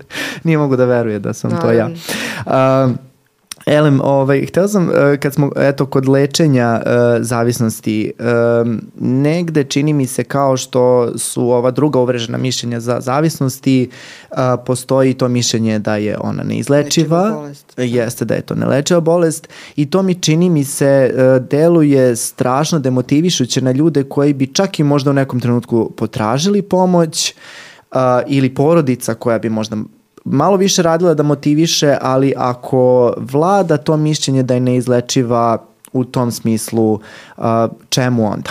E, sad mi vi recite, je li izlečiva ili nije izlečiva, kako je vaš mišljenje? Pa mislim, ona je, ajde da, da upotrebim jedan intermedijarni izgovor, a to je ona je zalečiva, ali mislim, ja lično poznajem pacijente i neki su bili moji, neki nisu, neki sam lečila periodično, ali znate kako vam je to znati sami, radite u nekoj ustanovi, pacijenti obično prođu jedan ozbiljan set različitih lekara, sticajem okolnosti, ne samo njihovom voljom, nego dan sleče kod jednog, sutra kod drugog i tako dalje.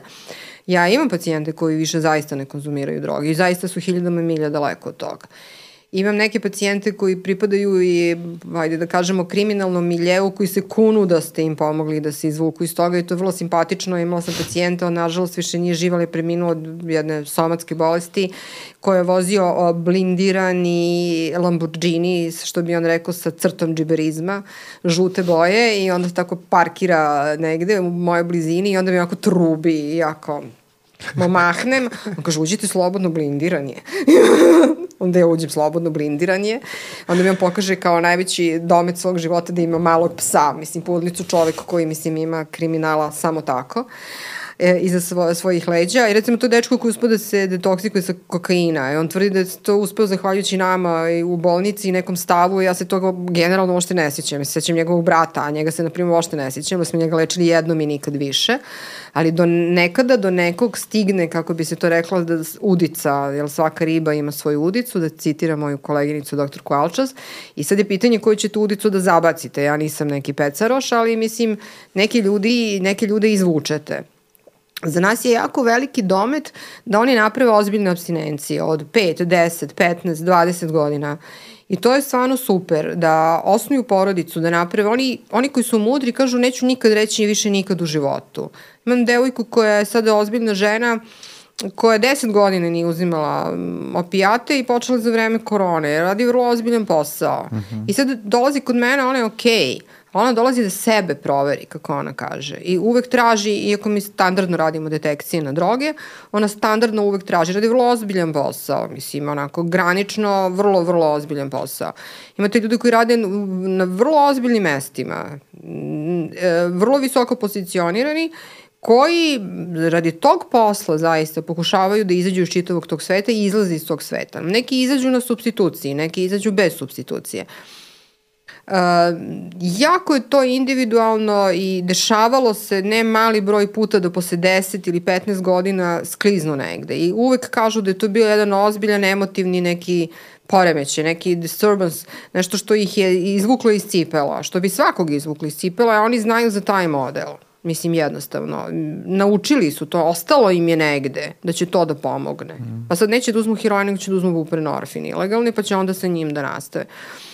Ja ne volim uopšte u medicini, hiljadu puta sam se uvila da 2 i 2 nisu 4, nego su 72. I ne volim to, ja ljudima dajem nadu. E, mislim da je to ok, možda ima malo veću dozu empatičnosti nego što se procenjuje trenutno u svetu, ali niti mogu da gledam ljude koji pate i koji su bolesne i zaista mi je jako teško. Prvo ne mogu da gledam životinje koji pate, zato nisam postala veterinar, a drugo ne mogu da gledam decu koji pate, a onda generalno ne mogu da gledam ljude koji pate. Ljudi koji pate u meni zaista bude neizrecivu potrebu da im pomognem. E sad, um, ako je to tako, onda vi morate nekome da ulijete nadu da on može sa tim i da on može iz te priče da izađe. Uh, Ne mali broj puta se meni dešava da mi uđu pacijenti koje dobro znam i samo ako skrstim ruke i kažem kaži. Šta si danas mislio? E, danas ću da izađem sa buprenorfin. A zašto? E, ne mogu više doktorka da se smaram, stvarno, znate, ne mogu da putujem, dosta mi svega. Ja kažem, to ti nije pametno. Znaš kako će to da se završi? Ne, ne, ne, ne, ne. To se završi tako što se on detoksikuje i posle sedam dana me zove telefonom i kaže, ali možete da me vratite? Mm. Rekao, čemu smo razgovarali pre 15 dana?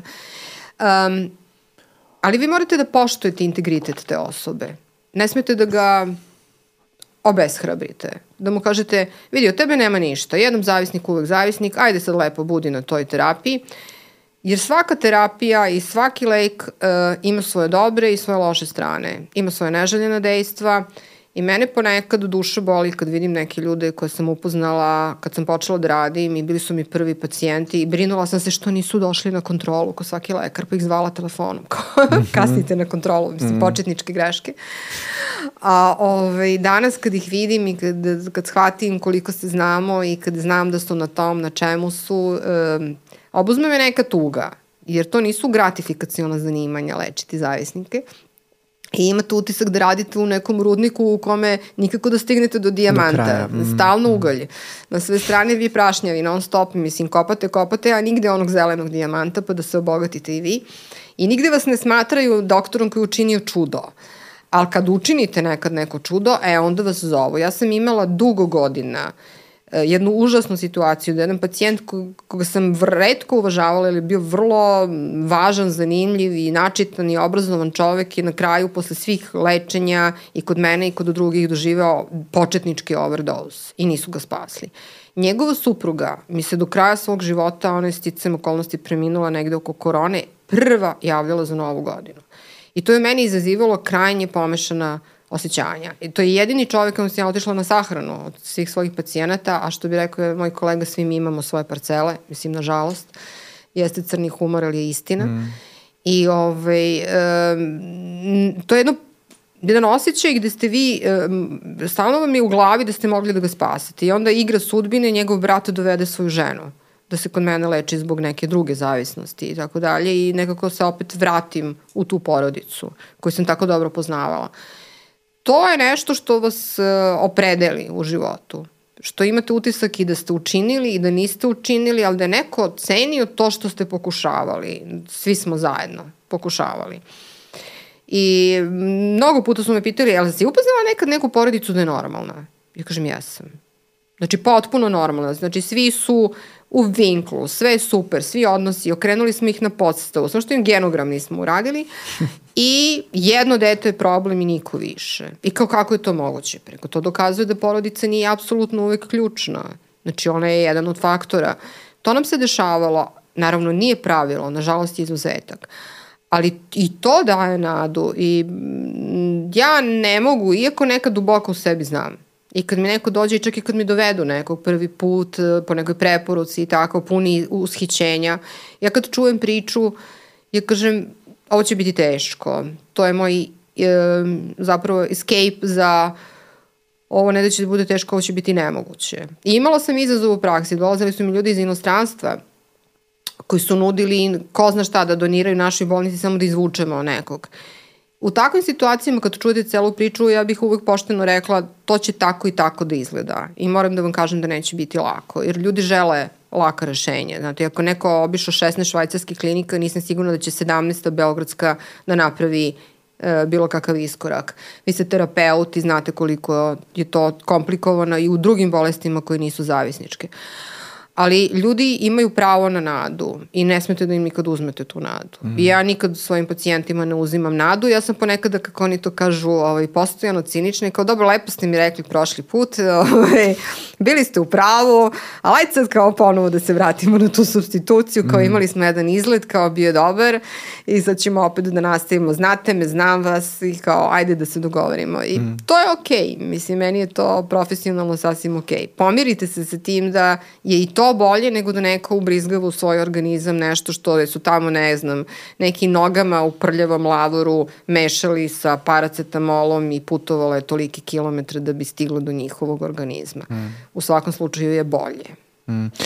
A s obzirom da smo evo nekoliko puta već pomenuli da je vrlo teško naterati e, zavisnika da se leči, uopšte naterati ga da prizna da je zavisnik, moram priznati, iako se ne bavim time, to su najčešće stvari koje dobijam kao pitanje uh, od strane prijatelja, poznanika i tako dalje, koji imaju zavisnika u porodici. Kaže, pa dobro, šta ja da uradim? Mm -hmm. Kako da privolim nekoga da, da se leči? Pretpostavljam da je to i, najčešće i naj, pitanje, tako da. je najčešće pitanje kod vas. E, verujem da nema nekog, mislim da nema nekog jasnog odgovora, ali šta vi kažete kada vas tako nešto pitaju? A, pa najčešće kažemo da, da, da toj osobi ne prete, da je ne ucenjuju i da probaju da nađu pregovarački kapacitet u sebi ili u drugima koji su pored njega. Pošto se nama često dešava, mi imamo savjetovalište kao i vi i dešava nam se da dolaze članovi porodice bez osobe koja je problem, da se informišu kako to da, taj problem da reše. I onda sa njime rade naši edukovani terapeuti koji su obično iz branše specijalnih pedagoga, socijalnih radnika i tako. Znači u prvom susretu s takvim ljudima obično razgovaraju lekari, sem u dežurstvima. Ali um, ja to uvek zovem, to lepo pisala jedna, jedna moja koleginica iz Britanije koja je rekla da je uh, privoleti zavisnika da, da, da sa vama komunicira jedan ples koji nije ni prljav ples, nije ni tango, nije ni valcer, to je ples u kome vam najčešće neko stane na nogu i ovaj, ili vam jednostavno sklizne ili padne na patos, a vi ga ne uhvatite i slično. Izuzetno je teško i zato, mislim, naravno da postoje edukacije, brze intervencije i tako dalje, otvorena, zatvorena pitanja koje se ne postavljaju, motivacije iz različitih uglova i slično. Mi obično porodicama ovako na slepo i preko telefona preporučujemo da nađu nekog koji je najbliži toj osobi, a najmanje autoritet. Znači neko ko je vršnjak, brato, sestre, tetke, neki drugi iz škole iz nekih dobrih starih vremena i da ta jedna osoba ili dve osobe krenu prvo da razgovaraju sa, sa njim.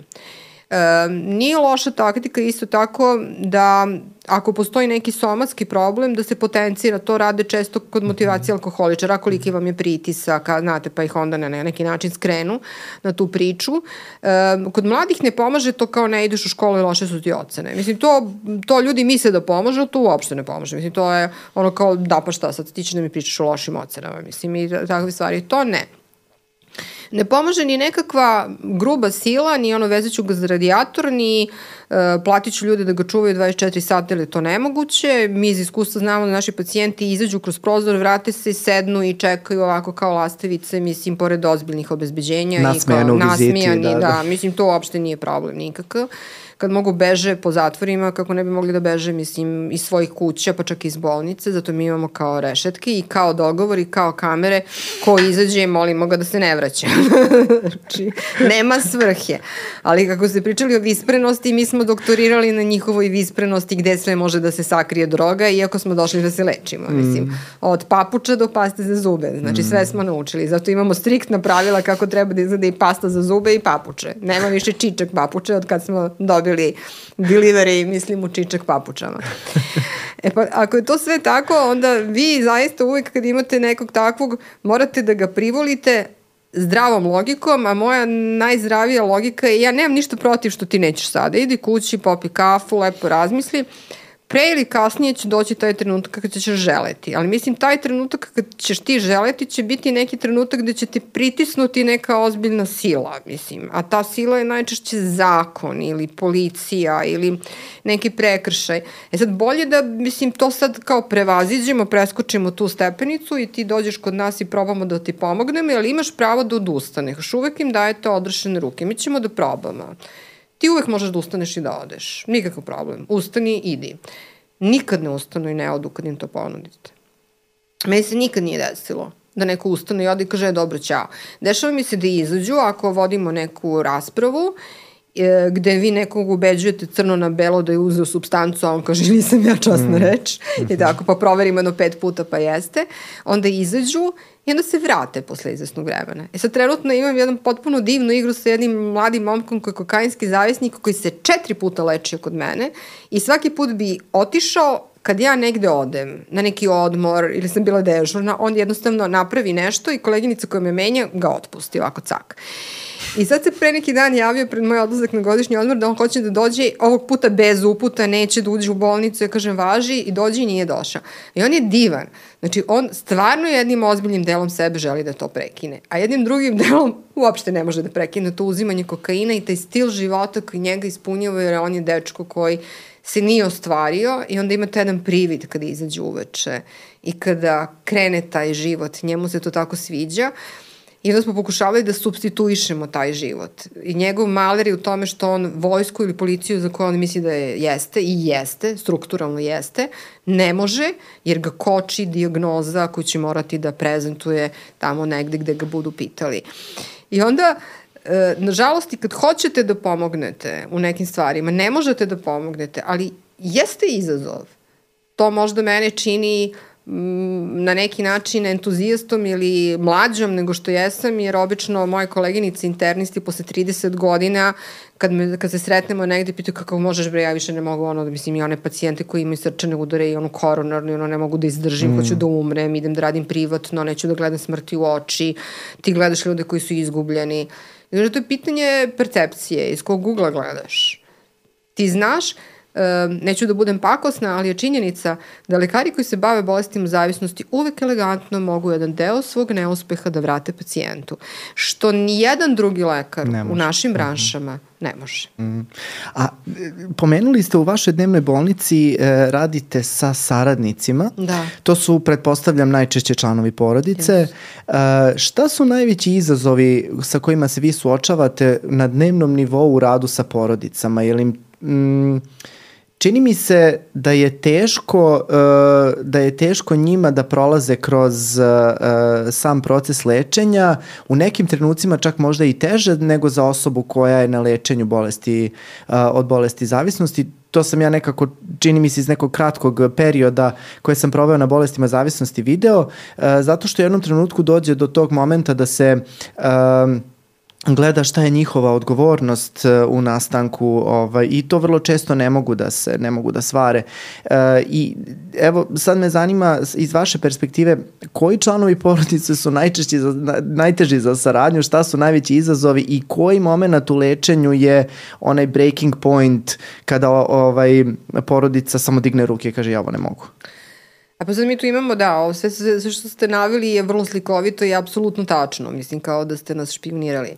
A to samo dokazuje da i vaša klinika ima, uz moj dužni respekt, bar dvojicu fenomenalnih kolega koji se bave doktora Lažitića i doktora Ivicu Mladenovića, bolestima zavisnosti i koji to perfektno posao rade, a da ne pomenjem kolege iz Paunove, naravno.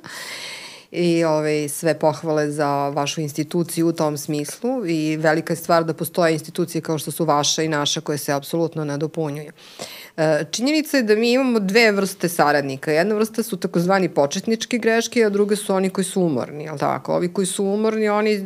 I, moja naj, najomiljenija, imam dve najomiljenije epizode. Prva epizoda je majka koju sam ubeđivala da stavi granicu svom sinu i koja je stalno prebogata beogradska porodica, oprostila jedan stan, oprostila drugi stan, opijatski zavisnik, oprostila hiljadu različitih lešćenja, iznaju iz kuće i radijatore.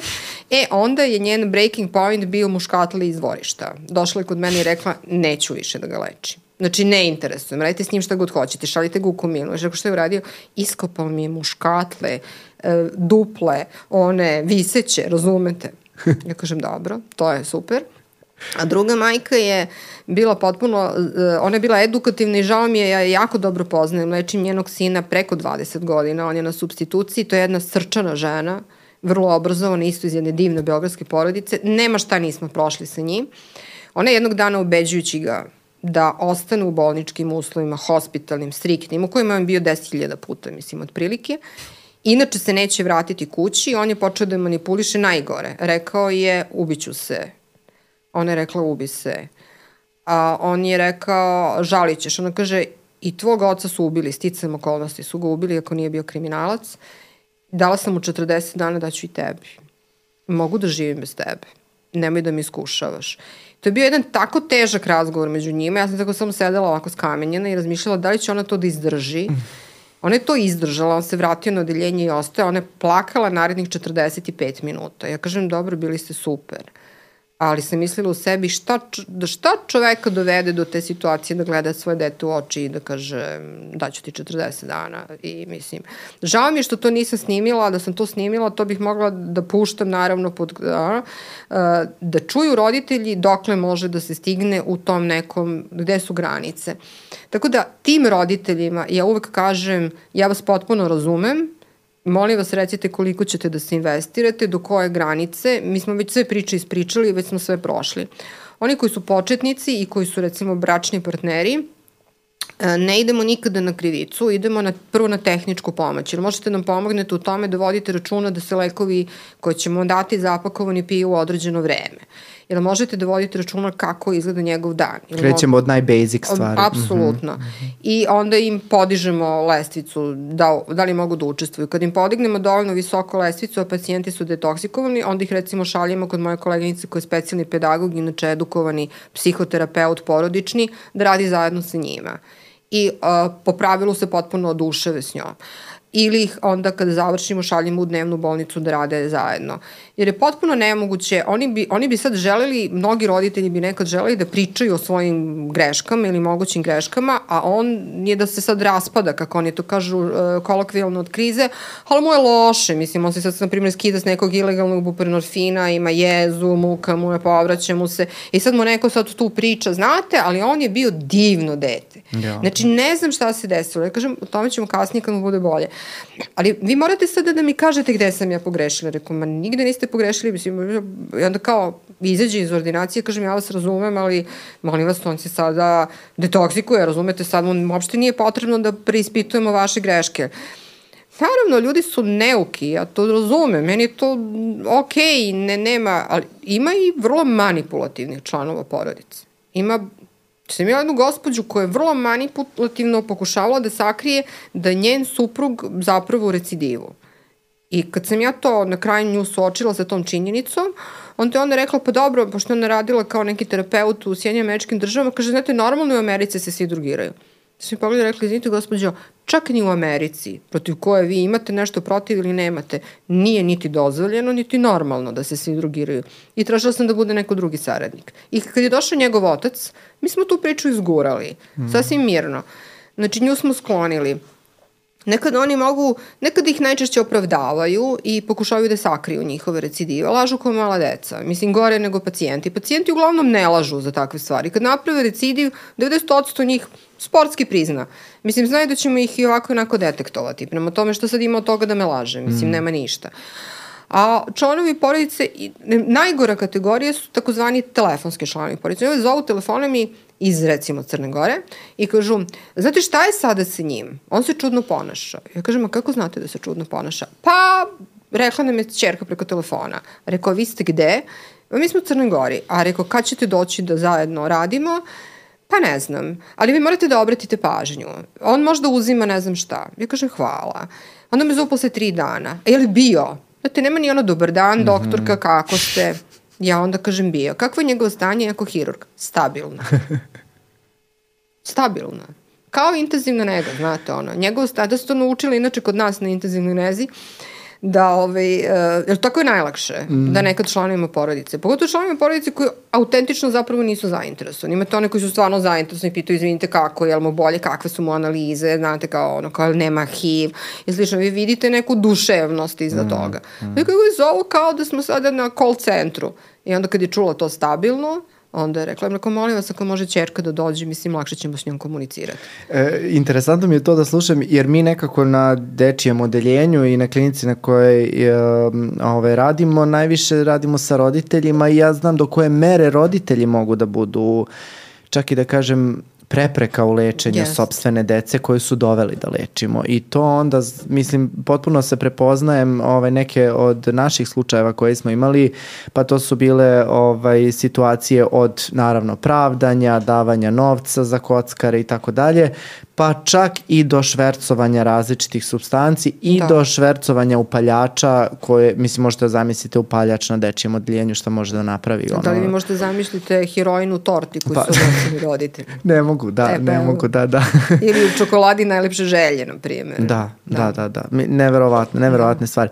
E, I nekako, evo, privodimo celu epizodu kraju, a ne možemo da se ne dotaknemo ovih ponašajnih zavisnosti koje smo pomenuli na početku. Ja, e, mi smo i planirali da, da napravimo jednu posebnu epizodu, mislim da zaslužuje i pozvaću ovaj, jednu vašu koleginicu da, da o tome priča, pogotovo kocki, čini mi se da je to sada ovaj problem, e, jedan od problema broj jedan kada govorimo o ovome, ali me zanima da li vi u Drajzerovoj se bavite lečenjem tih e, da. takozvanih behavioralnih zavisnosti i e, da li tu postoje neke eto zanimljivosti, trendovi koje u uočavate u poslednjih, da kaže, 50 godina? Pa da, kod nas se kockom bave podjednako dugo kao i u vašoj ustanovi uh mhm. -huh. ove, kolege i koleginice u okviru dnevne bolnice, e, s tim što sad postoji taj nekakva strukturisani upitnik, mislim, za pacijente koji su kockari, prevalentno kockari, i oni se odmah automatski upućuju kod njih na njihov ocek i onda u tom oceku se odlučuje da li će se oni detoksikovati, na primjer, odnosno ajde sad detoksikovati, lečiti u uh mhm. -huh. zatvorenim uslovima ili u otvorenim uslovima i postiže se neka vrsta terapijskog dogovora, sporazuma i sa članovima porodice i slično. I jeste, kockanje je u porastu, nežete, te neke procene su dosta onako poražavajuće, oko 90 do 100 hiljada se smatra da imamo ljudi koji se, su skloni rizičnom kockanju, odnosno zavisnosti od kocke i igara na sreću. Uh, To je jedan opseg. Drugi opseg je da mi u našem centru za mlade uglavnom lečimo ljude koji su zavisnici od e, interneta i drugih behavioralnih zavisnosti, ali najčešće ipak od interneta i društvenih mreža zajedno sa mladim ljudima koji su zavisnici od e, marihuane, ko, uglavnom kroz grupne terapije koje su naravno odvojene i jedni i drugi to rade i grupno i individualno, a imamo poseban ocek koji leči posebno ljude koji recimo su iz penalnih razloga poslati kod nas da se procenjuje da li je u pitanju zavisnost ili ne kroz odsek za mere i sankcije kako mi to zovemo.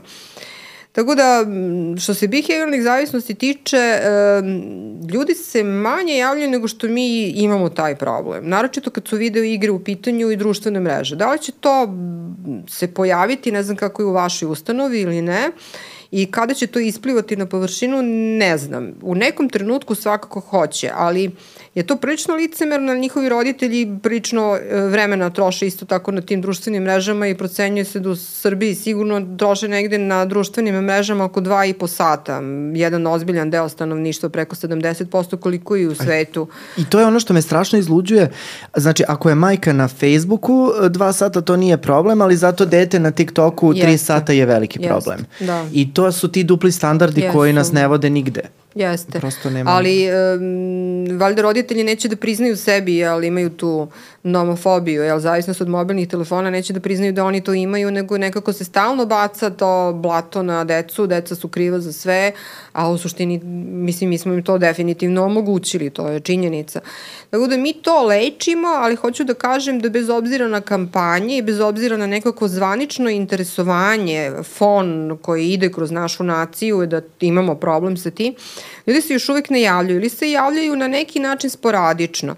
Tako da Viđam da, vaše brojeve telefona na svim da, kladionicama sad. Da, da, da. Mi imamo jednu vrstu edukacije svih ljudi koji rade u kladionicama i to traje nekoliko godina da prepoznaju zavisnike od kockara od kocke i da ih mhm. na neki način regrutuju i zamole ili da im daju Molim naše vas, flajere. izvinite, ali da li se to dešava? Da li se jednoj kladionici isplati da da regrutuje zavisnika. Možemo neverbalnu komunikaciju. Da, da, da ok, razumeo da, sam šta hoćete da. da kažete, ali o, eto, drugarica eto, preko koje smo istupili u kontakt Milena, koja takođe je na specializaciji kod vas u Drajzeru, mi je rekla za taj vaš projekat edukacije yes. zaposlenih u kladionicama, ne znam da li je to bila vaša ideja ili ste preuzeli od negle, meni to zvuči sjajno kao Naš. zamisao, vaša svaka vam čast, meni to stvarno zvuči sjajno i nekako utopijski, e, onda, da, ali onda sa neke druge strane kad razmislimo malo o, u stvari, o cost benefit e, ovaj, takve, takvog vida tretmana, upravo dovodimo do ovog pitanja da li se uopšte to ikome uh, isplati. Da. da. E, nama, ono što smo, mi, mi pokušavamo da se založimo, to je da se spreči makar reklamiranje. Mm -hmm.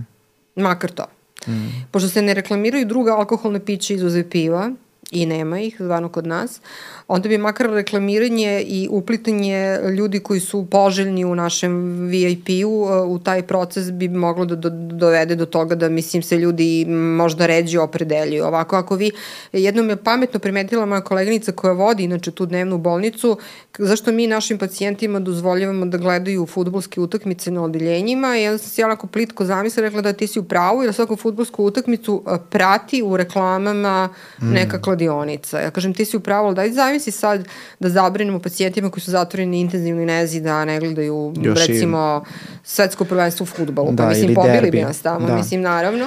Ali ne znam da li je, je strukturalno u pravu. Da, da li je pr uh, problematičnije reklamiranje ili način reklamiranja? Ja nisam način. siguran način. E. Tu ste potpuno u pravu, zato što je toliko afirmativan da prosto Tako poželite da potrčite Tako tamo. je. Prosto uh, porodica, mama, tata, svi da sin, da svi ćemo da pijemo pivo i svi ćemo da gledamo kladionicu i da, i da navijamo i zajedno smo i nosimo iste dresove Jeste. i ako nam se porodica raspada, to je nešto što će da nas ujedini. Da, ali imate takve reklame za alkohol gde otac sa tugom se seća sina koji je napustio dom i otišao u veliki grad i jedino što ih povezuje pivo. Da. Znate, mislim, tako da. da to su vrlo pametne sa psihološke tačke glede, gledišta ovaj, behavioralno tangentiraju upravo ono što je kod zavisnika i jeste, a to je da povučete i emocije i porodicu i da normalizujete tu situaciju mhm. -huh. kada postane sastavni deo vaše stvarnosti. Jeste problem što kad zaređete, e, ja to uvek pitam u školama, je li imate u blizini pekaru ili kladionicu? Najčešće kažu i pekaru i kladionicu. Mm.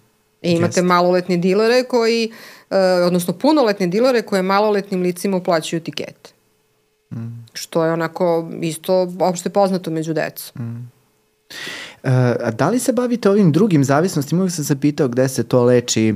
Zavisnost od e, kupovine, zavisnost Aha. od seksa, od hrane, od tako nekih poroka. A, što se tiče zavisnosti od seksa, to jako redko nam se javljaju ljudi, iako ona postoji i negde se procenjuje da je negde oko 3% recimo anglosaksonskog stanovništva na severnoameričkom kontinentu boluje od ove vrste zavisnosti. Uh, Ja sam slušala nekoliko interesantnih stranih predavanja o tome, moram priznati da sam mnogo naučila, ali takvih pacijenti nam se zapravo ne pojavljuju. Što se tiče zavisnosti od hrane, isto tako ne, kao ni zavisnosti od šopinga, kao ni od recimo zavisnosti koja je relativno novija, a to je zavisnost od tetovaža koja je sama po sebi zanimljiva, jer e, sam proučavajući malo to za potrebe nekog predavanja videla da istraživanja potvrđuju da ljudi koji e, se često tetoviraju mnogo i nekritično. Imam pacijentkinju koja je potpuno zamenila zavisnost od heroina, zavisnost od tetovaža.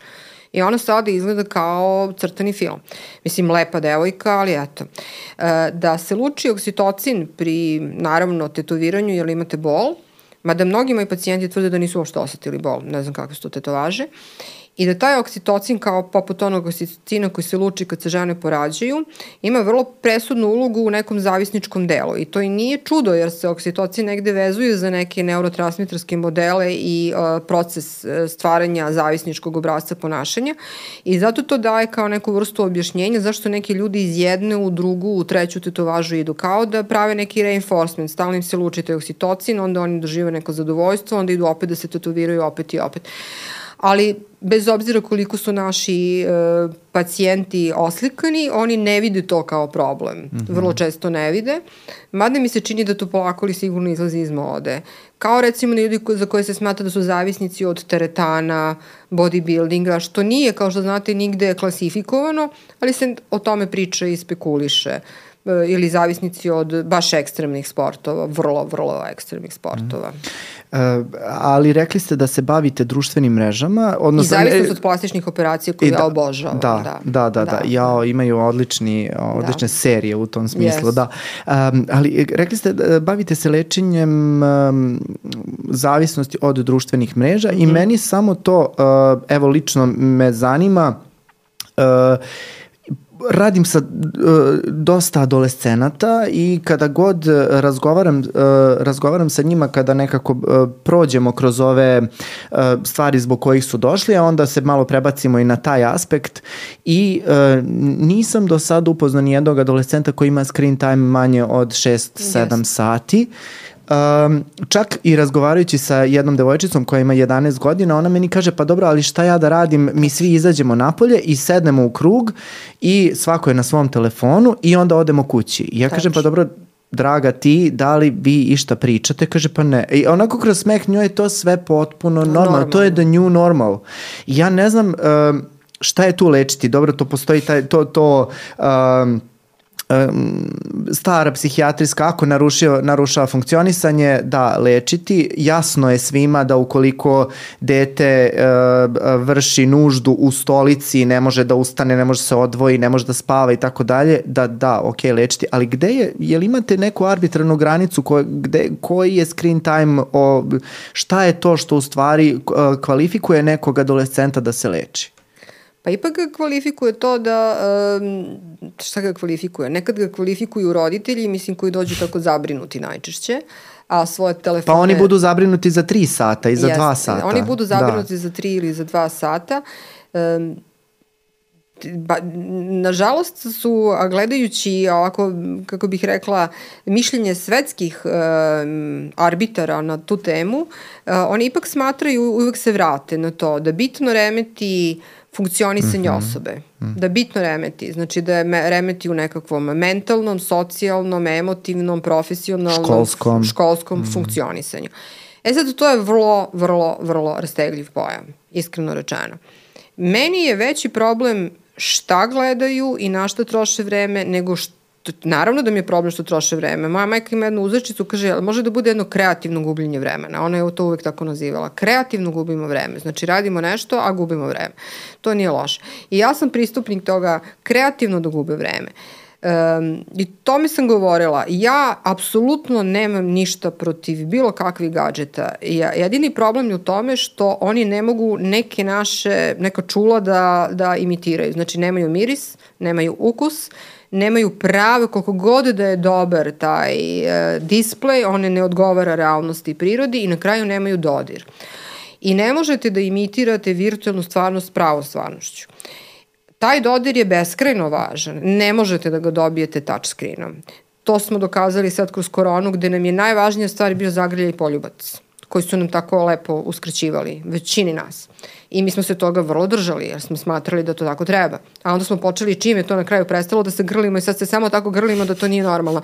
Što je dobro, mislim što je ljudski, jel tako? I treba, i ljubimo se, i to neka tako ostane. E sad, kako tu decu da izvedete iz te priče? Pa pametno, a ne nekom zabranom ponudite im nešto što će još biti, njihov mozak zaista jeste bombardovan. Što rekao profesor Rajević koji se bavi neuronaukama i eto, naš najpoznatiji stručnjak za to i sigurno kompetentniji od mene, to ode negde u duboke moždane strukture, to bombardovanje tim informacijama. Deca to ne mogu da obrade, ali ako vi njih inspirišete nečim, a ako izaberete sadržaj koji je blizak vašem detetu, ima ga na internetu, ali imamo i komparaciju sa nečim u prirodi, njima će se to dopati. Ali meni je jako žao, morate da se bavite svojom decom. Ne možete da stalno sedite u fotelji i da deklamujete da je neko drugi kriv. Morate da se bavite. Što ste ih pravili? Ima divna reklama i bit ću pakosna do besvesti za Durex, da se dete valja u samoposluzi i traži strana reklama i traži ne znam šta i majka ne zna šta će s njim, a jedan par ovako stoji sa strane i kaže nisu koristili Durex. Mm -hmm. To je to. Uh, činjenice da uh, su deca božanstvena stvar, ko voli decu nema snage da ih vaspitava, što rekao Duško Radović, ali ako već mora da ih vaspitava, deca se nikad uglavnom ne rađaju zla i pokvarena, ali ih roditelji pokvare, e onda moraju da ulože jedan ozbiljan kvotu energije, lepote, interesovanja i autoriteta da od njih ispadnu ljudi kakve bi oni možda želeli ili što bi rekla zajednica kakve bi mi želeli da imamo mm. kao pokolenja, što je mnogo bolje nego kakve bi oni želeli. U tome će napraviti mnogo grešaka, ali nikada neće napraviti grešku ako ih dovoljno vole i ako su dovoljno zaštitnički prema, i da se u njihovoj kući da deca uvek osjećaju dobro. Ali ne da se osjećaju dobro iza četiri zida sa čuvanom rečenicom ja se izvinjavam, smem da ti se obratim ili ne remetim tvoj sada lični mir, prostor. lični prostor, uh, jer nisi zauzet, ili bi bio ljubazan da dođeš na ručak, mama skuvala ćufte, nego da se ponašaju prema deci uh, kao prema ravnopravnim članovima zajednice, ali ne da se sa njima druže. Mi se ne družimo s njima, pa onda u skladu sa tim ćemo se dogovoriti o pravilima. Ako se do četvrte godine dogovorimo su pravila ne prastu šteker, jel? i nećemo preko terase da donesemo ho hoklicu i da se bacimo dole i 99% dece to ne uradi, onda i u svim drugim pravilima možemo da se dogovorimo, ali mi ne smemo da ih kršimo onda ni mi ne smemo da deca vaspitavaju primerom. Znači, To je najbolje moguće vaspitanje i najautentičnije vaspitanje. Ali moramo da trošimo to naše pakleno vreme, ne samo na frizure i na nokte i na sve ostalo, nego moramo da trošimo na njih. U suprotnom ćemo doći u jednu situaciju kako i povremeno dolazimo i onda se tako strašno čudimo i strašno nam je neprijatno i ne znamo kućemo i šta ćemo. Ja stvarno zato ne osuđujem decu zato što gledaju telefone. Jer mi smo im kupili najskuplji Apple, na primjer, i mi smo im to omogućili. Stručnjaci kažu do šeste godine deca ne treba da nose telefone. Ja sam slušala jednog oca koji je rekao da ima dvoje dece koji idu u srednju školu, ne, u osnovnu školu i ne nose telefone. Nis, to, to je bilo pre ovih nesečnih događaja u našoj zemlji, traumatičnih i užasnih. I da njegove deca prolaze pakao. Ali on istrajava u tome i uči ih da to nije dobro za njih, da mogu da ih koriste kod kuće i da mogu da ih koriste određeno vreme i za određene sadržaje. Ta deca su verovatno za svoje vršnjake mali monstrumi, ko zna kako ih zove. Da, i sve ostalo. I ko zna kakvo vršnjačko nasilje oni trpe zbog toga. Ali on tvrdi da oni istrajavaju. Ja nisam pobornik ni toga. Mislim, nemojte da izdvojate decu... I to je neki ekstreman primer. To je potpuno da. ekstreman. Mm. Nemojte da izdvojate decu na takav način. Ali najteže je da se vi potrudite im ponudite sadržaj. Pa mislim, taj internet ima toliko zanimljivih stvari koje mogu deca da nauče. Oni su kao mali sunđeri. Njih mnogo toga interesuje, ali morate da im otvorite aplikaciju ili nešto da bi oni videli i njima će se to dopasti. I ja sam slušala kako, recimo, primenjuju gadžete za učenje hemije ili tako nečega i kako prave čitave priče o periodnom sistemu e, koje su bazirane malo na aplikacijama, malo na igri, malo na razmišljanju da bi približili deci nekakve suvoparne podatke koji uče u školi. A oni stvarno uče hiljade suvoparnih podataka koji možda za praktičan život i nisu neophodni. Jedini način je taj. Naravno, uh, Um, nisam ni pobornik toga da sede 7 sati od, za telefonom ili za um, ekranom na laptopu i da igraju do besvesti igrice. Ali to je pitanje dogovora. Ali u tom dogovoru moram i ja da učestvujem. Znači, ne možete da kažete deci do 10 sati da sam mi kod kuće, a ja sam u 11 negde. Znači, ne mogu ni ja da budem u pozorištu, a da nisam rekla da sam otišla u pozorište. To je najbolje bila moja mama kad je jedna nas zvala, moja čerka i ja sedimo u ruskom caru, jedemo kolače, a ona zove prvo nju na telefon i onda kaže, dobro, Uh, mama ti je na dežurstvu, što naravno nije tačno, a gde si ti? Ona kaže, bako, stoput smo ti rekli gde smo. Mislim, to je taj nedostatak percepcije gde je ko od ukućene. Pravila koje važe za roditelji, moraju da važe i za decu. Mm. Inače nema pravila. A život se bazira na dogovoru ne bazira se na naredbi, nego na dogovoru. I onda će biti i dogovor oko mobilnog telefona ili ga neće biti. Mm. Jako ste lepo to rekli. Je, e, baš smo se u prošloj epizodi e, gde je gost bio pisac za knjiga za decu e, Uroš Petrović upravo bavili time šta je moguće deci ponuditi, a da nije u stvari samo zabrana. U stvari uskratit ćemo ti telefon i ostavit ćemo te tako da bleneš u plafon jer nisi dovoljno kreativan da sebi organizuješ vreme. Ne, to je uloga roditelja Tači. i to je taj dogovor o kome sve vreme pričate. E, znači, dogovor i strukturacija vremena mogu biti da. zamena za društvene mreže i to je jedini način da se dete animira u istoj meri, inače ćete ga smarati. Ža, nažalost, tako je.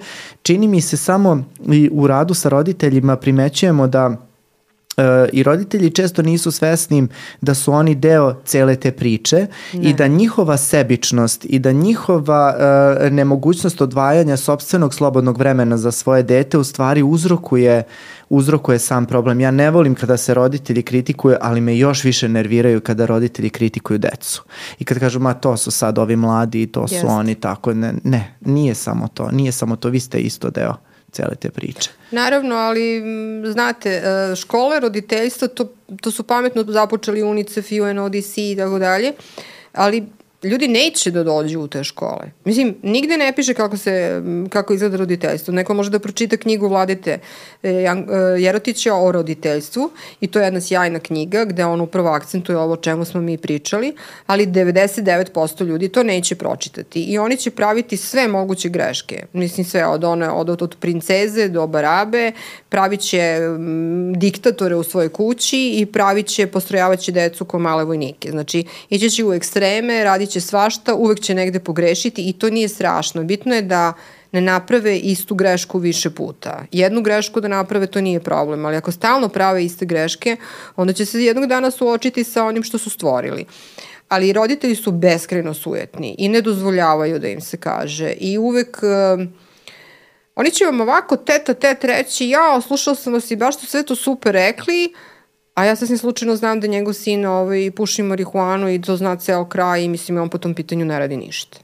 Na primer. I mislim nema veze.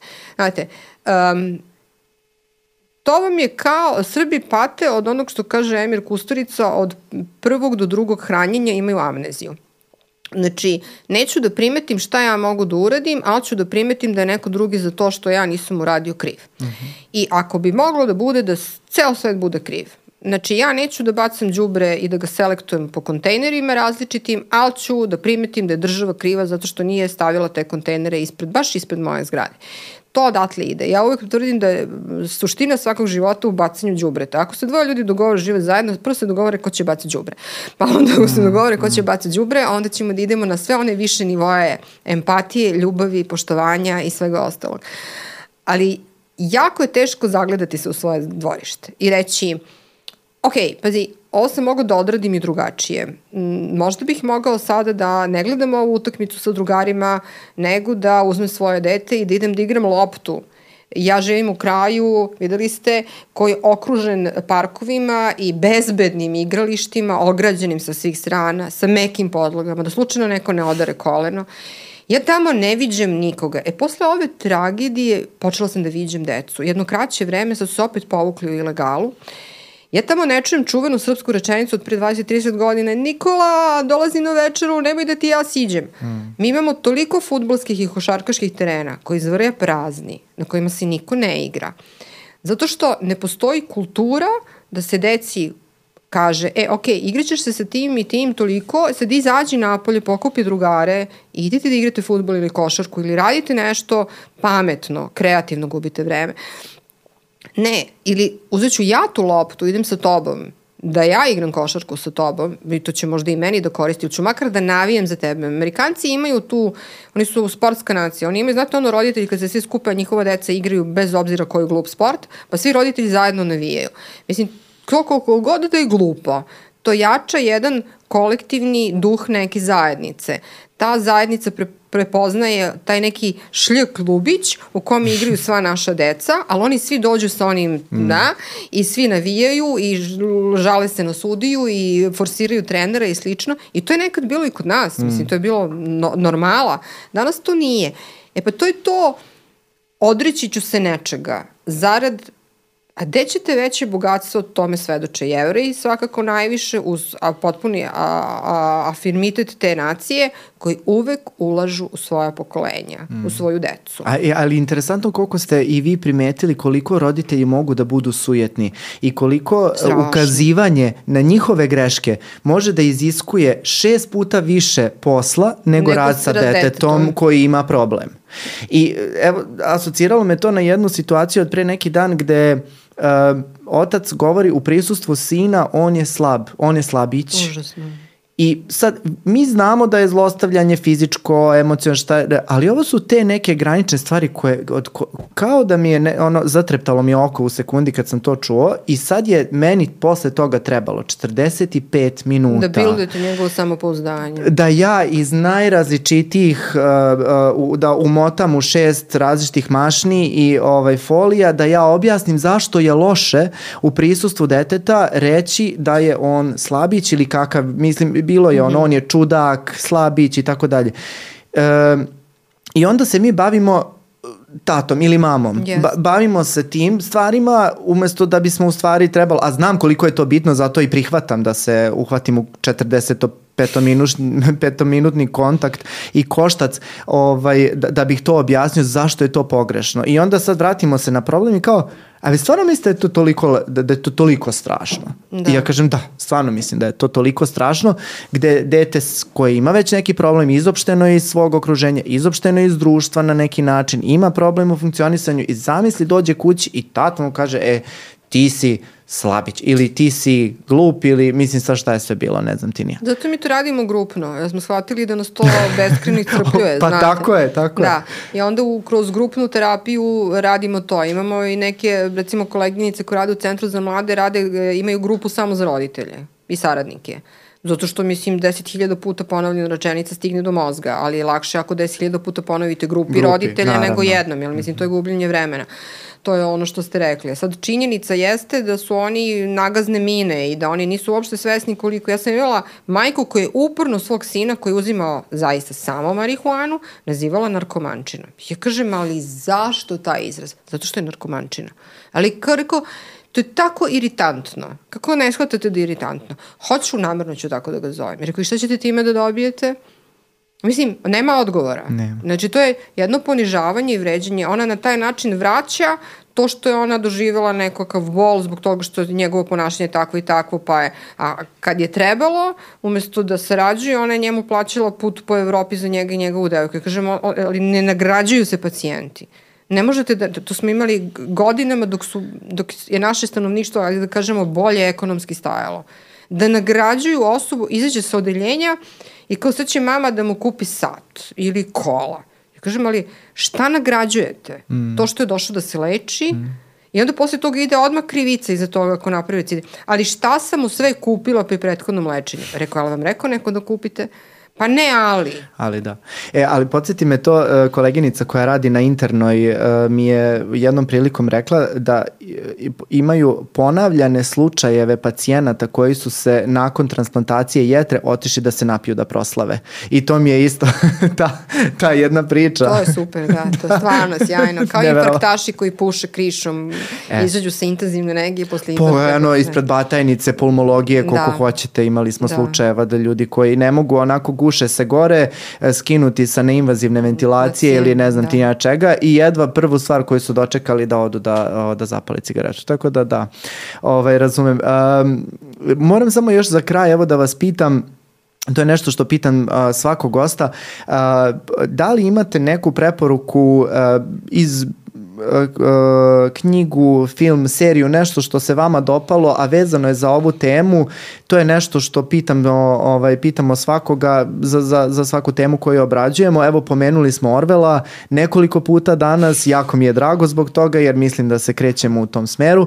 Ovaj, uh, da li imate eto, još neku, ovaj, ne nešto za naše slušalce što mislite da bi im bilo korisno, a vezano je za bolesti zavisnosti? Pa sad stvarno, sad ste me zatekli iskreno. Da. A, kad, kad Izvinite, Po, da, ništa, da. a kad pomislimo o filmovima, meni uglavnom padaju na pamet filmovi koji, nažalost, uh, uh, tragično prikazuju ljude koji su zavisnici. I, Odmah mi je train spotting u glavi, da, moram da priznam. Da, train spotting da. recimo i tako. Um, knjige koje pripadaju žurnalistici ne, ali ove druge knjige koje su pisale moje pametne kolege, a pre svega profesor Jerotić da. Mm -hmm. e, ta knjiga o roditeljstvu, to bih svakom preporučila, to da, mislim iskreno. Što se tiče bolesti zavisnosti, a da su pisane pitko i zanimljivo, moram priznati da to nisam čitala. Možda sam, I to nam je podatak. Moram priznati da to nisam čitala. Uh, i moram priznati da li mi je neko poklonio skoro neku takvu knjigu, ne. Mm. Ne. Mm. Moram priznati da tako beletrističko i nešto ne. Ja moram takođe da priznam da nisam čitao. Ja, ja inače uh, u, u jednom periodu života sam dosta čitao i dosta čitao na, na ovu uh, tematiku i moram priznati da nikada nisam našao knjigu o bolesti zavisnosti da je pitko napisana za šire narodne mase. I da je afirmativna. I da je afirmativna. I da ne prikazuje neku, da. tako neku senzacionalističku stranu da. ove bolesti Moram zavisnosti. Moram priznati da to nisam pročitala, ali što ne znači da ne postoji, da, naravno. Da, da, da. da. Uh, e, ovom prilikom bih samo još jednom da vam se zahvalim što ste došli danas u emisiju, što ste nam ulepšali emisiju vašim ove, vrlo inspirativnim ovaj, uh, idejama i temama koje smo danas obradili.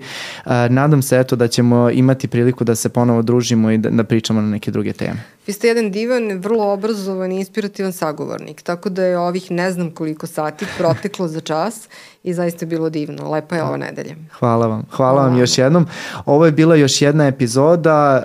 Um, danas smo obrađivali bolesti zavisnosti. Uh, još jednom ću vas zamoliti da se subscribe-ujete, ostavite nam komentare, šta mislite o našoj, uh, o našoj današnjoj priči, o celoj epizodi. Um, ukoliko budemo imali priliku, to ćemo i da odgovorimo u nekoj narednih epizoda, tako da, eto, vidimo se još jednom. Ćao!